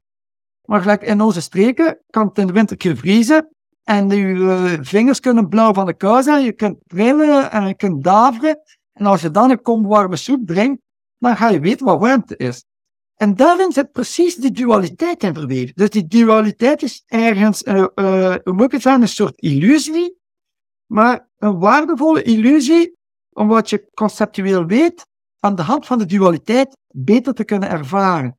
Dus het kwade, het negatieve, die je onbewust, onbedoeld, onopzettelijk hebt aangetrokken, als je dat leert inzien, dat dat geen obstakel, geen hindernis is, maar eerder een soort medium, waarin dat jij kunt definiëren wie je wel bent, aan de hand van wat je niet bent, kun je definiëren wat je wel bent. Dan kun je het ook ervaren. Ja, want je hebt soms verschillende strekkingen erover. Je hebt een bepaalde strekking en dat zou dan meer de Abraham Hicks strekking zijn van wet van aantrekking. Van ik ga gewoon op het positieve focussen en ik trek dan het positieve aan. Maar aan de andere kant heb je ook de schaduwwerkstrekking, dat je iets hebt van, kijk, die onverwerkte, ongeprojecteerde delen, die kleven aan je als een schaduw. En jij denkt misschien dat als je die confronteert, dat het erger wordt, maar als je die confronteert of inziet en dan ook erkent, dan wordt het net lichter, dan wordt het net draaglijker. Dus Dat kun je oplossen. Want veel mensen hebben moeite van die, die donkere, die duistere, die, die, die onverwerkte kant van zichzelf te, te trotseren of, of mee te dansen, laten we zeggen. Maar weet je wat de, de moeilijkheid hierbij is? En dat gaat misschien raar overkomen. Is dat ook veel mensen dus niet weten. De allergrootste blinde vlek die veel mensen hebben, dat merk ik ook in mijn praktijk. De allergrootste blinde vlek is de onvoorwaardelijke liefde. Het is zelfs uw lichtkant die afgewezen is. We denken dat we met onvoorwaardelijke liefde bezig zijn. Nee, onvoorwaardelijke liefde, het woord zegt het al, is vrij van behoeftigheid. En hoe reageren de mensen naar zichzelf toe? Altijd met verwachtingen. Maar dat is geen onvoorwaardelijke liefde naar jezelf toe, dus het is een blinde vlek. En daardoor, dat is dus de, ene polariteit, de onvoorwaardelijke liefde, is afgewezen door dezelfde schokken uit uw kindertijd en uw duistere kant, die je eigenlijk als een contrast in je leven hebt binnengehaald, wijs je ook af. Maar het lichaam kun je ook vergelijken met een batterij. En dat heeft een negatieve pool en een positieve pool. Als je een van die twee polen wegpakt, heb je geen elektriciteit. Als jij in jezelf de onvoorwaardelijke liefde ontkent naar jezelf toe op de eerste plaats, dan kan je energie ook niet stromen. Dus het heeft zelfs niet te maken met je duistere kant. De meeste mensen erkennen niet eens een eigen goede kant. En waarom? Omdat precies in het conflict en het pril van bestaan. Het kind kan geen onderscheid maken. Een baby zeker niet, maar een klein kind kan dat ook niet, want die weet niet eens wat intentie precies inhoudt en verantwoordelijkheid ook niet, die gooit dat door elkaar. In de overlevingsmodus van een baby en een kind voelt het kind zich altijd verantwoordelijk voor de mama en de papa. Natuurlijk, zijn intentie gaat er ook naartoe. De intentie, dat is de ethiek, dat is zuiver. Maar de verantwoordelijkheid voor de mama papa, dat weet het kind niet. Dat klopt dus niet. Maar ja, en de relevantie van het kind om te overleven klopt het dus wel. Maar op volwassen niveau is dat patroon dat je achtervolgt en je blijft dat patroon onbewust, onbedoeld herhalen. Ja, op een bepaalde manier is, is de, de, de, de, hoe je ouders met je omgegaan zijn, of zelf al in de buik, of hoe je op de wereld gebracht bent, Ja. is ook hoe je met de wereld omgaat en hoe je denkt dat de wereld jou ziet. Ja, maar je maakt je ook afhankelijk wat dat een ander denkt of zegt over jou. Je maakt je altijd Ja. afhankelijk. Maar, maar, maar het, eh, het is precies de kunst. Als je afhankelijk maakt wat dat een ander denkt of zegt over jou, dan ben jij jezelf aan het verraden. Maar wat jij denkt over jezelf, of wat je zegt over jezelf, is dan niet belangrijk. Want dat is geen onvoorwaardelijk liefde naar jezelf toe. Hè. Dat vergeten de mensen dus. Hè. En, en ook, eh, als het kind dan blijvend afgewezen wordt. Het kind doet zo hard zijn best om mama en papa blij te maken, om het simpel te zeggen. Maar het kind ervaart met de tijd dat het niet lukt om mama en papa blij te maken. En, en het kind krijgt geen connectie met papa of, niet, of met de mama, of het is altijd ambraas, of het is altijd gelijk wat. Dan begint het kind uiteindelijk ook te twijfelen aan zichzelf. En, en dat is precies eh, wat er in, eh, in het hoofd van het kind gebeurt. Als het kind dan begint te twijfelen, heeft alle aspecten afgewezen om, om mama en papa te helpen, omdat hij zich daarvoor verantwoordelijk voelt. En het lukt hem niet. En, en dan papa en mama blijven hun gedrag verder toepassen op het kind. Het kind begint te twijfelen. Dan begint het kind nog meer pijn te hebben. En daar kan het kind ook niet mee overleven. Dus dan komt een ander mechanisme naar boven, waardoor dat het kind zegt, ja, alles wat ik ben, die pijnen, inclusief mijn goede kant, maar mijn goede kant is niet goed, want het lukt mij niet om papa. Ja, toxische schaamte ontwikkel je dan. Hè. Je denkt niet van ik doe slecht, dan ben je van ik moet wel slecht zijn inherent en dan, dan kleeft het aan je.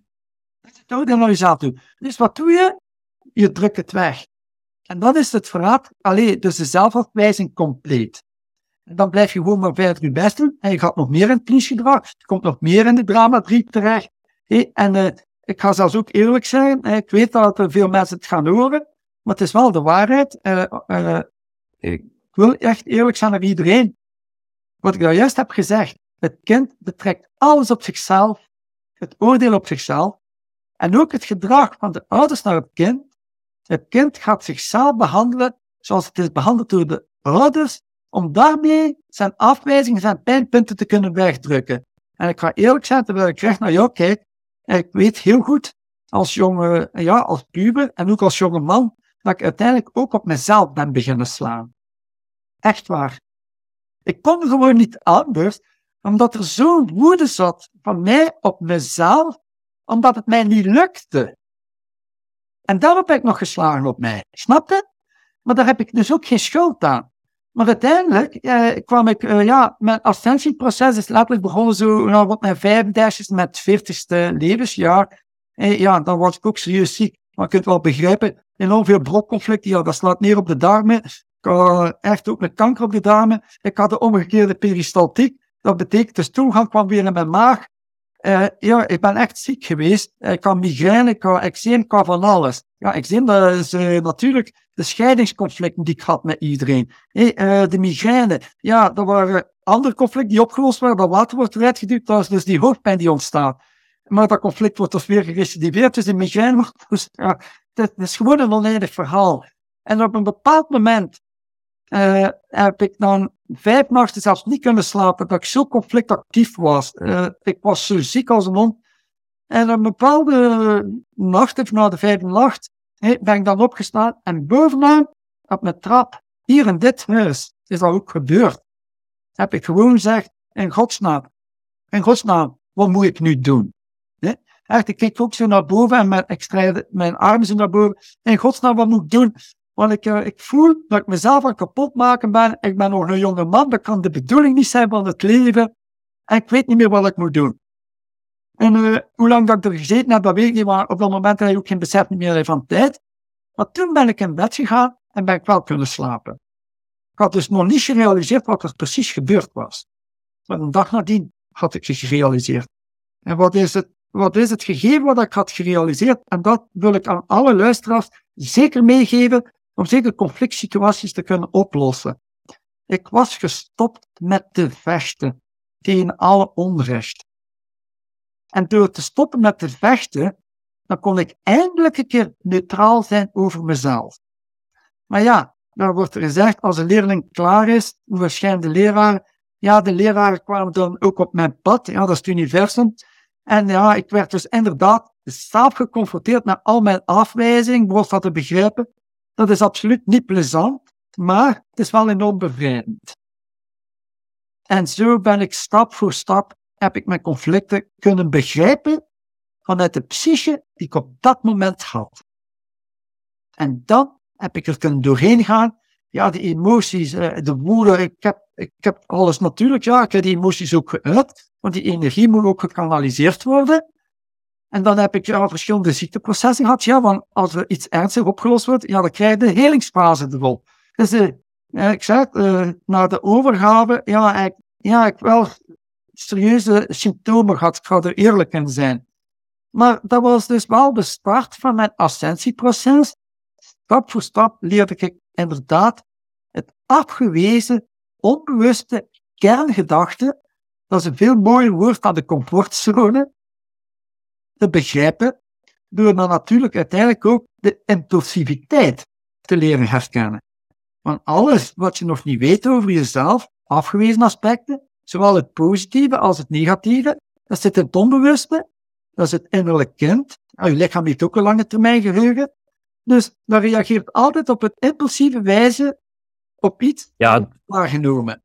Ik heb, ik heb ik, ik, herken me heel sterk in jouw verhaal ook. En ik vind het goed dat we deze verhalen eens delen. Want ik vind in de maatschappij dat er veel te weinig over gepraat wordt. Ik, ik, ben ook door dat proces aan het gaan. En ik bekijk dat soms als van. Ja, soms gaat dat elke zeven of acht jaar. Dat je dan eerst probeert in de jaren twintig. via drugsvrouwen externe dingen zelfwaarde te hebben. En dan denk je het gevonden te hebben, werk je aan jezelf. Dan ga je bij wijze van spreken mythologisch door het donkere bos. En dan blijf je maar vechten tot je om een uur zo moe bent van het vechten dat je ergens neer moet eh, zitten met je zwaard. En dat je eindelijk je verhalen vertelt en je het kan delen. En dan denk je waarschijnlijk dat je het bereikt hebt, maar dan komt de tweede tocht door het donkere bos, dat je nog altijd die conflicten ziet en terug geconfronteerd wordt met jezelf en dat je dan toch weer kan groeien. Maar het is niet makkelijk voor mensen om daarmee geconfronteerd te worden, om mee om te gaan, want op een symbolische manier is het een soort van dood van jezelf en dood van het voorspelbare. En daar heb ik het gevoel dat heel veel mensen moeite hebben om door die donkere tunnel van verandering te gaan, omdat ze het idee dat ze hebben van zichzelf niet willen opgeven. Ja, ja, natuurlijk, maar dat is ook de innerlijke weerstand. Maar kijk, uh, dat, begrijp ik wel. Want uh, als het idee van jezelf, waar dat die afwijzing in zit, onbewust is, je bent er niet bewust van, blijf je met het verraad, maar dan kun je nooit je creativiteit echt tot uitdrukking brengen. Dus uiteindelijk op zielsniveau pleeg je verraad. En, en dat is eigenlijk een beetje de causaliteit van de heel veel motorische conflicten die kunnen ontstaan, die op het zenuwstelsel neerslaan. Nee? Ik spreek bijvoorbeeld uh, multiple sclerose, of uh, laterale uh, amyotrofe, laterale sclerose, dus ALS. Dat zijn allemaal motorische conflicten die op zenuwen slaan. Dat zijn dan wel extreme vormen dat ik noem, maar bijvoorbeeld fibromyalgie, dat is ook ergens vastzitten, omdat je je eigen individuele creativiteit niet naar buiten kunt brengen, maar je hangt vast aan een bepaald patroon. En je probeert eigenlijk, het is precies daarin, dat je weer altijd bezig bent met de ander op de eerste plaats te stellen. Dus, dat is, dus het blijft gewoon verder duren. Of aan dat patroon te voldoen dat anderen van jou hebben, of dat je geleerd werd, en nu zet je het nog steeds angstvallig als houvast ja. verder om aan vast te klampen. Inderdaad, inderdaad. En, en dat is natuurlijk eh, de moeilijkheid. Eh, eh, het gaat er echt om om toch jezelf te leren op de eerste plaats staan, maar die angst komt weer naar boven, want dan ga je uit de kudde weg. Dus die angst, die kinderlijke angst komt weer naar boven. Dus ik begrijp dat wel. Ik wil gewoon maar zeggen, uh, je kunt natuurlijk niet alles uitleggen in die podcast, uh, want inderdaad, je geeft het zelf al aan. Als het ene stuk is opgelost, komt het andere en het is al zo dat er geen eind dan komt. Ik kan er één iets moois over zeggen. Uh, ik geloof dat dat van Martin Luther King is. Die heeft gezegd, je hoeft niet de hele trap te zien. Als het de eerste trap staat, ga je de tweede automatisch zien. En ik wil er nog aan toevoegen, als je de eerste trap hebt gezet, kun je je aandacht geven op wat je bereikt hebt op die eerste trap.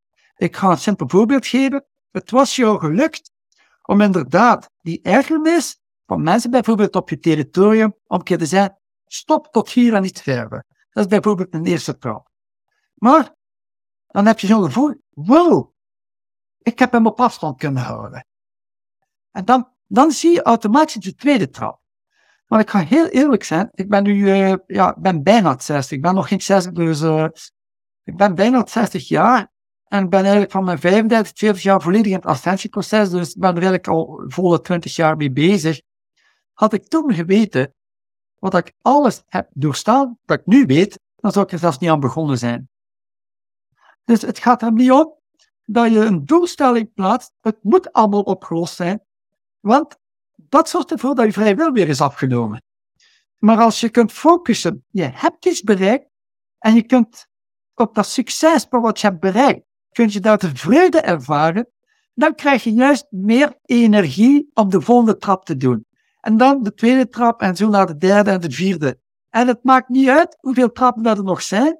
Het gaat niet om het doel om volledig verlicht te zijn. Nee, het gaat om het doel om alle aspecten van de afwijzing die je ooit hebt toegelaten te zien als het tegenovergestelde, om daarbij al je kwaliteitsvolle aspecten aan jezelf te kunnen ervaren.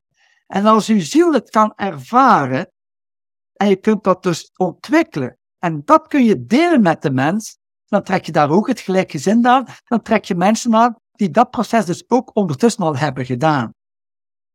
En het doel van relaties, want dat is ook heel interessant om, om, om daar een ander inzicht in te hebben. Veel relaties zijn gebaseerd op uh, ik geef u dat en jij geeft me dat terug. Dus dat is mijn verwachtingspatroon. Dus dat is dus met andere woorden een valse liefde. Want de onvoorwaardelijke liefde vraagt dat je eerst aan jezelf alles geeft en dat je aan jezelf geen eisen, geen verwacht en geen behoefte. Als je dat alles geeft aan jezelf, het puur liefde, omdat jij jezelf waardevol vindt en je vindt jezelf respectvol, en je kunt dat ontwikkelen, dan kun je dat delen met de ander. En als je dat deelt met de ander, eh, dat, eh, dat is weer iets magisch dat erbij komt. Als je iets kunt delen dat je hebt ontwikkeld met de ander, dan zegt de ziel, ik moet het wel hebben, want anders kan ik het niet delen. Mm. En precies dat punt, dat kan een hulpmiddel zijn om met het schaarste denken te geraken naar de natuurwet van overvloed. Want uw ziel wil natuurlijk ook de overvloed ervaren. En overvloed is een natuur. Maar we zijn er ook van afgeweken omdat we geen verbinding hebben met onszelf. Dus alles wat we geven aan een ander, hebben we natuurlijk eerst aan onszelf gegeven, want we gaan dat ontwikkelen. En dan deel je dat met de ander, dan heb je de ervaring dat je wel moet hebben. En dat is ook de functie van een relatie. Een relatie, de echte basis van een relatie, dat kan een partnerrelatie zijn, een vriendschapsrelatie, het maakt niet uit wat voor vorm van relatie. Maar het gaat erom op, een relatie dient om te delen wat in jezelf is ontwikkeld. En dan trek je natuurlijk ook iemand aan die in dezelfde trillingsfrequentie zit, dus die deelt dan ook iets naar jou, wat dat hij heeft ontwikkeld of zij heeft ontwikkeld. En zo krijg je vervullende, verhevende relaties, waarbij dat je elkaar voortdurend herinnert, hey, vergeet je individueel groeiproces niet verder te zetten. Dat lijkt me ook soms de uitdaging tegenwoordig als we dan spreken over verbinding. Als we kijken naar de huidige maatschappij die zo geïndividualiseerd, geatomiseerd is, getraumatiseerd is. En als we naar de status kijken van relaties momenteel, alleenstaande moeders, alleenstaande vaders en mensen die die relatie missen. Um, ik heb het gevoel, soms ik word 40 jaar en ik heb het gevoel, nu spreek over mezelf, dat ik, ik voel me 30. Ik voel dat de huidige generatie minder volwassen is in termen van in het leven staan. Dus dat iets meer kind blijft en dat het soms iets langer kan duren. Uh, ik weet niet hoe dat jij naar kijkt en met de slachtoffercultuur tegenwoordig. Deze maatschappij maakt het niet makkelijk om verbinding met jezelf te hebben en verbinding met andere mensen te hebben en een goede relatie met jezelf en anderen te ontwikkelen. Ja, ja het klopt. Uh, kijk, je kunt natuurlijk een keuze maken voor jezelf en uh, jezelf op de eerste plaats stellen. En dat kun je uitwerken, dat is je vrije keuze. Dus je hoeft niet mee te doen met wat dat het collectief u opdraagt. Je kunt altijd kiezen voor jezelf. Maar ergens op een bepaald niveau, je bent altijd verbonden met het collectief, je maakt er deel van uit. Dus je hoeft er niet aan mee te doen. Maar dat is natuurlijk moeilijk, want dan word je zogezegd afgestoten en die angst komt weer naar boven. Mm. Althans, uh, op dit moment, kan misschien raar klinken, maar als je kijkt naar regerings, naar die instituten, ook het Medisch Instituut, de voedingsindustrie, uh, die ontwikkelingen die zich nu voordoen, dat is niet met de bedoeling om de mensen gezonder en levenslustig te maken en de kwaliteit van de mensen te laten ontwikkelen. Dus het heeft ook te maken met iets dat tegenovergesteld is van wie we collectief ook in werkelijkheid zijn. Dus het is een kunst om daar geen aandacht meer aan te geven en toch je eigen vrije wil. Je, je, ik ga, eh, hoe moet ik het nu beter zeggen? Want sommige dingen, je kunt, je kunt, ja, ik zit ook nog altijd in het monetair systeem. Ik heb ook nog altijd geld nodig om te leven. Dat klopt wel. Maar het gaat erom om, de het is een valkuil. Hè? Ze maken het de mensen zodanig moeilijk, waardoor dat de mensen altijd een oordeel blijven hebben. Eh, eh, of een verzet, of een weerstand bieden. Maar het is precies dat, waardoor dat de massa energie blijft toevoegen aan de kleine groep mensen, waardoor dat die kleine groep mensen door die weerstand steeds meer macht krijgen over de massa. En ik merk dat veel mensen dat dus nog niet doorhebben dat dat zo werkt. Dus ja, jij is een angstfrequentie en zie hoeveel angst te creëren en zie hoe we moeten overleven. En dan zeggen die aan de top van, we moeten overleven, we hebben het moeilijk. En dan ja, versterk je eigenlijk steeds hetgene dat je zogezegd beter bent, be tegen bent. Je blijft dan ook in dat schaarste zitten. En in die schaarste maakt je afhankelijk. Maar je hebt het nodig, maar je moet weer overleven. We kunnen daar natuurlijk uren over praten. Maar... Ik heb nog één vraagje voor jou. Ja? Zou je dan aanraden dat iemand die, uh, omdat ja, je hebt ook een soort van drama-driehoek of uh, geneesdriehoek op drie niveaus. Je kan die schaduwen en de mindere kanten op jezelf zien. Je kan die zien in een relatie met een partner en je kan die zien bij een kind. Ja. Nu, er zijn soms bepaalde dingen dat je van jezelf niet ziet of niet wil zien en dat je enkel in relatie ziet. Zou jij zeggen van werk eerst op jezelf aan die onvoorwaardelijke liefde en stap dan in een uh, liefdesrelatie en begin dan aan een kind? Of moet het niet noodzakelijk in die volgorde zijn? Kijk, uh, dat heeft meer te maken uh, met wat dat de agenda van de ziel heeft besloten. Want eigenlijk, slechte relaties bestaan in feite niet. Alle relaties vanuit het oogpunt om te kunnen ontwikkelen zijn allemaal heilig. Zelfs ook, zogezegd, vechtscheidingen en dit en dat. Er wordt pijn opgeroepen. Dat is de pijn die in jezelf afgewezen zit, die door het conflict naar boven wordt gehaald. Als je daarin kiest om slachtoffer uit te hangen, dan neem je geen verantwoordelijkheid. De volgende relatie zal een graadje erger worden. Dus eh, je kunt eigenlijk, zogezegd, relaties die verkeerd zijn afgelopen, het is allemaal niet leuk, ik begrijp dat wel. Maar mijn ascensieproces, die leraar die mij hebben geconfronteerd, was ook niet leuk. Je kunt een slechte relatie zien. Wat is mijn aandeel in die slechte relatie, waardoor dat het op de klippen is gelopen? Maar weet je wat er zo moeilijk is, Daniel? Dat je soms in een relatie zit en dat je eigenlijk zou je, moest ik echt op een afstand bekijken, zou ik soms met een partner moeten samenzitten. En weet je, ik heb soms deze vervelende kant. Ik ben er al aan het werken. Je zal soms merken dat ik dit en dit doe. Probeer mee om te gaan. Maar weet gewoon dat dit bij mij speelt. Maar we vinden het zo moeilijk om die kwetsbare, moeilijke kant van onszelf te tonen en er echt eerlijk over te zijn. En we, we verbergen die menselijke kant van onszelf. Ah, ja, maar, maar, maar begrijp je? dat is waardoor dat het conflict juist zwaar wordt. Want als jij het gaat verbergen voor jezelf, dan ben jij jezelf ermee aan het verraden, maar in feite verraad je dan ook de partner ermee. Dus de partner kan niet weten wie je bent. En de partner gaat dan proberen om jouw behoeftigheid in te vullen, totdat de partner zelf bij neervalt. En dan ontploft ze en dan is dat het moment dat jij zegt, nee, de ander is veranderd. Nee, de ander heeft dan gekozen om eigenlijk de energie weer voor zichzelf te houden. Dus die conflicten worden erger als jij in een relatie op gevoelsniveau niet eerlijk kunt zijn met de partner. Weet je wat je dan soms denkt? Ik zal eens het ego laten spelen. Het ego denkt van, ik zie mijn partner graag en eigenlijk ben ik wel geïrriteerd, maar ik zie haar graag, dus ik ga het negeren. En dan die trigger is wel wezenlijk voor je, triggert iets en blijft maar opstapelen, maar je denkt van, dat is toch triviaal, dat is niet zo belangrijk. En dan barst het eruit op een verkeerd moment en, en wordt er verkeerd gecommuniceerd. Ja, maar kijk, eh, omdat je het woordje ego eh, benoemt. Het ego, het universum, het ego is wat dat het is, geen betekenis. Het ego kun je dus ook zien als zijnde een instrument om je creativiteit te ontwikkelen, aan jezelf te geven, om dat te kunnen delen. Dat is, er zit ook een ego-component. Het ego, ten opzichte van de hart, de ziel, de hartintentie, de diepte in de ziel en in je hart, als je echt in de stilte en de neutraliteit komt, dan ga je ontdekken dat er daar geen angst bestaat. Het ego komt uit het onbewuste mee.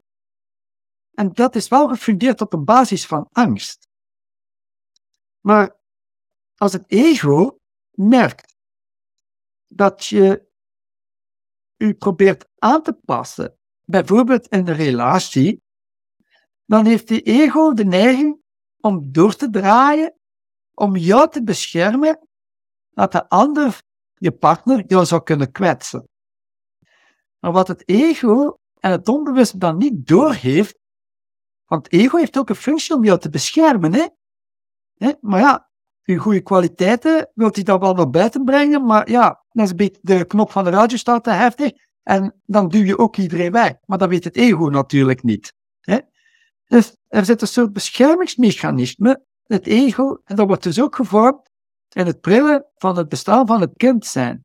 Van het kind die afgewezen is, komt met overlevingsmechanismen naar boven, komt met beschermingsmechanismen, met verdedigingsmechanismen, en er zit ook al het ego in verweven. Dus het ego, samen met het onbewuste, wil het kind beschermen tegen de pijn die het heeft geleden.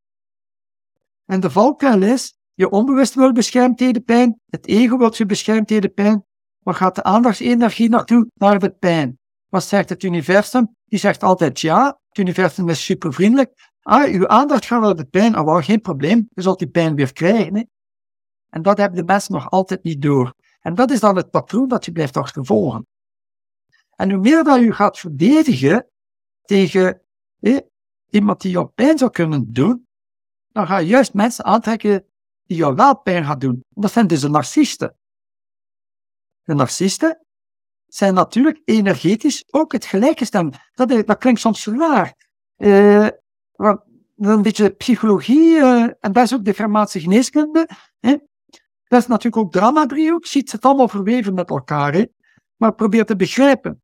Als jij je gevoelens verstopt en je bent niet oprecht naar jezelf toe met de gevoelens, dan ben je ook niet oprecht naar een ander toe. Dan zit je met een afwijzing en in de slachtofferschap trek je dan een narcist aan. In de slachtofferschap, afwijzing wie je bent, maar een narcist is ook altijd iemand met een innerlijke afwijzing wie dat die is. Want als je echt een diepe verbinding hebt met jezelf en je staat in je kracht, dan is er geen één hartje op je hoofd die er gaat aan denken om bij iemand energie te pakken. Maar je hebt zelf energie genoeg. Dus het is allemaal letterlijk drama-driehoek. Dus, maar wat zit het verschil? Als je in de slachtofferschap gaat, nee, de, narcist gaat dan in een dader, maar doordat dader, slachtoffer en helperschap en die drama-driehoek elkaar gaat legitimeren, dan is ieder slachtoffer ook een dader en een helper. Ieder helper is een dader en een slachtoffer, en ieder dader is een slachtoffer en een helper. Gelegitimeerd elkaar. Dus wat wil dat zeggen? In slachtofferschap gaat je met een vrouwelijke passieve reactie reageren. In daderschap ga je met een mannelijke actieve reactie reageren. Vol, kun je volgen wat ik naartoe? Ja, natuurlijk. Ik, merk dat ook soms als ik, me, als, ah, ik bekijk de Germaanse geneeskunde, van hoe kan ik dit fysieke conflict uh, gezien als leermoment over mijn houding, wat ik gedaan heb. Ja, als de andere kant heb je soms, om een voorbeeld te geven, vrouwen die dan zeggen van ja, mijn ex sloeg mij en was verslaafd. En dan de volgende, mijn ex sloeg mij en was verslaafd. En ze blijven tegen hun vriendin zeggen van oh, moet je nu wat weten? En, en ze willen blijkbaar niet zien dat ze het zelf creëren of aantrekken. Inderdaad, maar je hebt het begrepen, een aandacht gaat er continu naartoe. En onbewust wil ze nog een keer beschermd tegen de pijn, maar je ja, trekt het als een magneet naar binnen.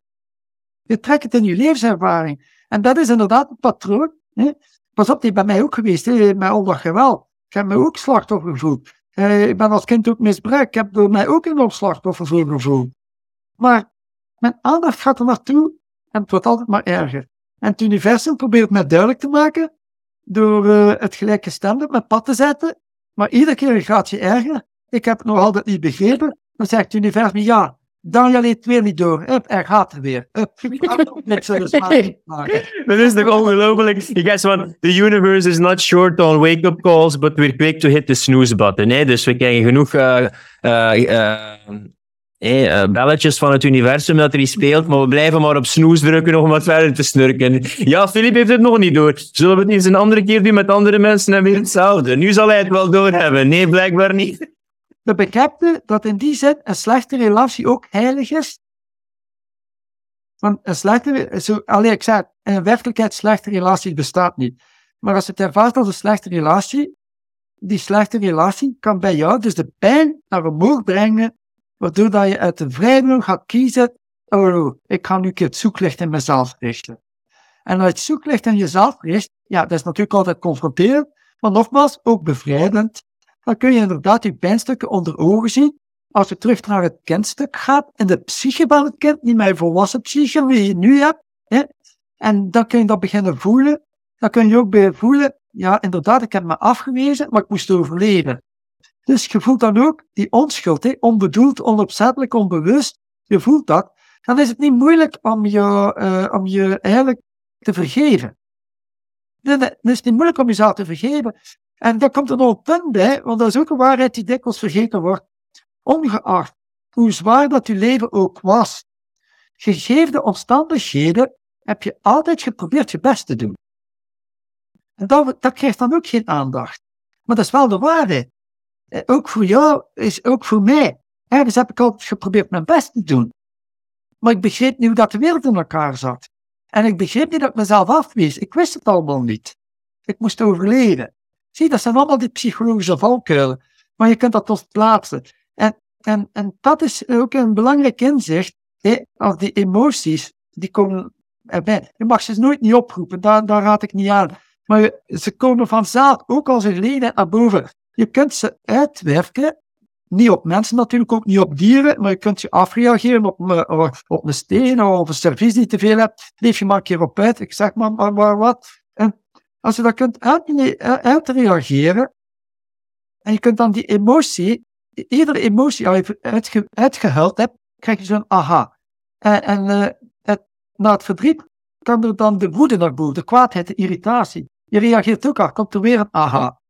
En zo sterk is aan, ga je zo die, heel die emotionele ladder af, totdat je aan je machteloosheid en dan de angst die eronder zit, in contact mee komt. Je plaatst daar weer die onschuld in. En dan kun je inderdaad inzien dat alles wat je niet bent, het negatief dat je hebt aangetrokken, dat je het inderdaad kunt erkennen dat dat ook het gevolg is van je eigen innerlijke afwijzing. En, en daar zit het, uh, het mooie geheim dat dat zo'n rust over jou kan geven. Het inzicht is, het licht, het liefde, die heeft aan het duister de gratie gegeven beschenen te worden. Dus het duister wordt beschenen door het licht. Maar het duister kan het licht niet beschijnen. Snap je? Dus, als je met je licht, en dat is wat de ziel ook wenst te ervaren, je hebt dus eigenlijk onbedoeld, onbewust, on, opzettelijk heb je duister zelf aangetrokken, maar met de bedoeling dat je daar je lichtje gaat inschijnen.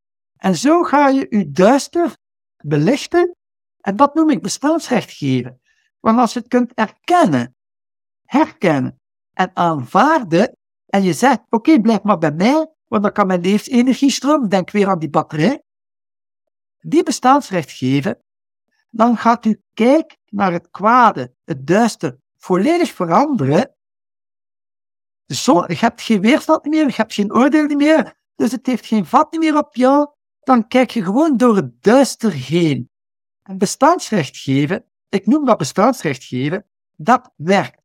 Maar emoties loslaten. Hè? En, en, ja, in het begin was dat ook zo bij mij. Ah, Daniel, je moet, je, eh, je moet een keer je verdriet loslaten. En je moet je woede een keer loslaten. Maar dat gaat niet om iets los te laten dat uit jou is gekomen.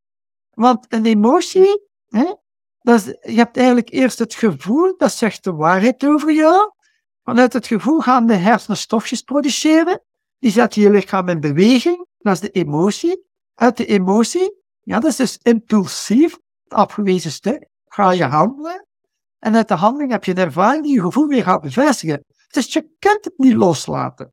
En ook als je iets begrijpt over hoe dat energie werkt, dus kwantumfysica, als je iets probeert los te laten, waar gaat je aandacht naartoe? Naar hetgeen dat je wilt loslaten.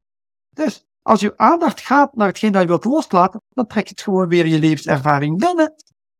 Maar je kunt bestaansrecht geven, zodanig dat het kwade geen vat meer heeft op jou, dan kan je energie stromen. En op dat moment ga je dan automatisch, want dan gaat de impuls van binnen zijn, ga je leren om jezelf onvoorwaardelijk lief te hebben. Want, en nogmaals, de onvoorwaardelijke liefde, ik ervaar, ik, dat is mijn ervaring. Het kan niet zijn dat ik de profeet eh, ben, dat zeg ik niet. Maar het is mijn ervaring. Ik ervaar dat bij de meeste mensen de onvoorwaardelijke liefde de allergrootste blinde vlek is. Hmm. Ja, doe me denken aan mensen die zeggen van uh, waarom kan ik het niet loslaten, waarom kan ik het niet loslaten, waarom kan ik het niet loslaten, omdat je het nog steeds vasthoudt. Ja, maar hoe meer dat je loslaat, hoe vaster dat je het gaat vasthouden. Je pint het letterlijk terug in je ervaring. En dan je goed uh, vastpakken. Uh, het beeld dat bij me opkwam was uh, ja, een babytje dat in de kribbe ligt en dat er aan het huilen is. En dan de papa die op een donkere tocht gaat door het bos en heel veel vecht en heel veel avonturen en heel veel probeert te bewijzen. En constant maar zoekt naar de schatkist en dan terugkeert naar de top van de berg dat het babytje ligt op die schatkist, vol met die gouden munten dat hij uit zei. En het pakt het vast en het omant het. En dan begint het licht te schijnen ineens. En dan zetten ze zich neer op de stoel en dan kijken ze naar de wereld. En dan begint het, uh, het licht te schijnen over de wereld. Ja, natuurlijk verschillende metaforen. Kijk, uh, hetgeen dat je er juist vertelt, het gaat letterlijk dat hij dan op dat moment in zijn gevoel is gegaan. Je observeert objectief vanuit de stilte. Dus dan zit je in je gevoel. En als je jezelf altijd activiteit doet, je geeft jezelf de mogelijkheid die, om een keer te zeggen stop en in de stilte niks te doen, dan kun je dat punt ook niet bereiken. In feite, om er de humor een beetje in te houden, eh, je hebt heel veel mensen hè, die uh, dus uh, zichzelf willen ervaren als licht en liefde, en die daarbij de gedachte cultiveren en het denken, ja, ik moet wel eerst door de hel gaan, en ze gaan dus naar de hel om vanuit de hel naar de hemel te gaan, terwijl dat ze altijd in de hemel hebben gezeten. Maar de hel bestaat in feite niet. Er is maar één ding, licht en liefde. Het is je eigen illusie die de gevangenis vormt in je onbewuste.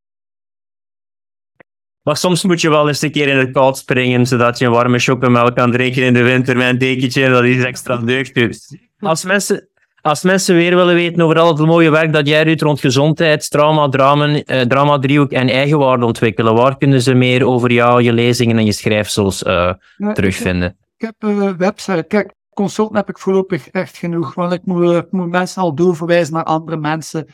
Maar uh, ik volg dus ook een beetje uh, de nobelheid van dokter Hamer zelf.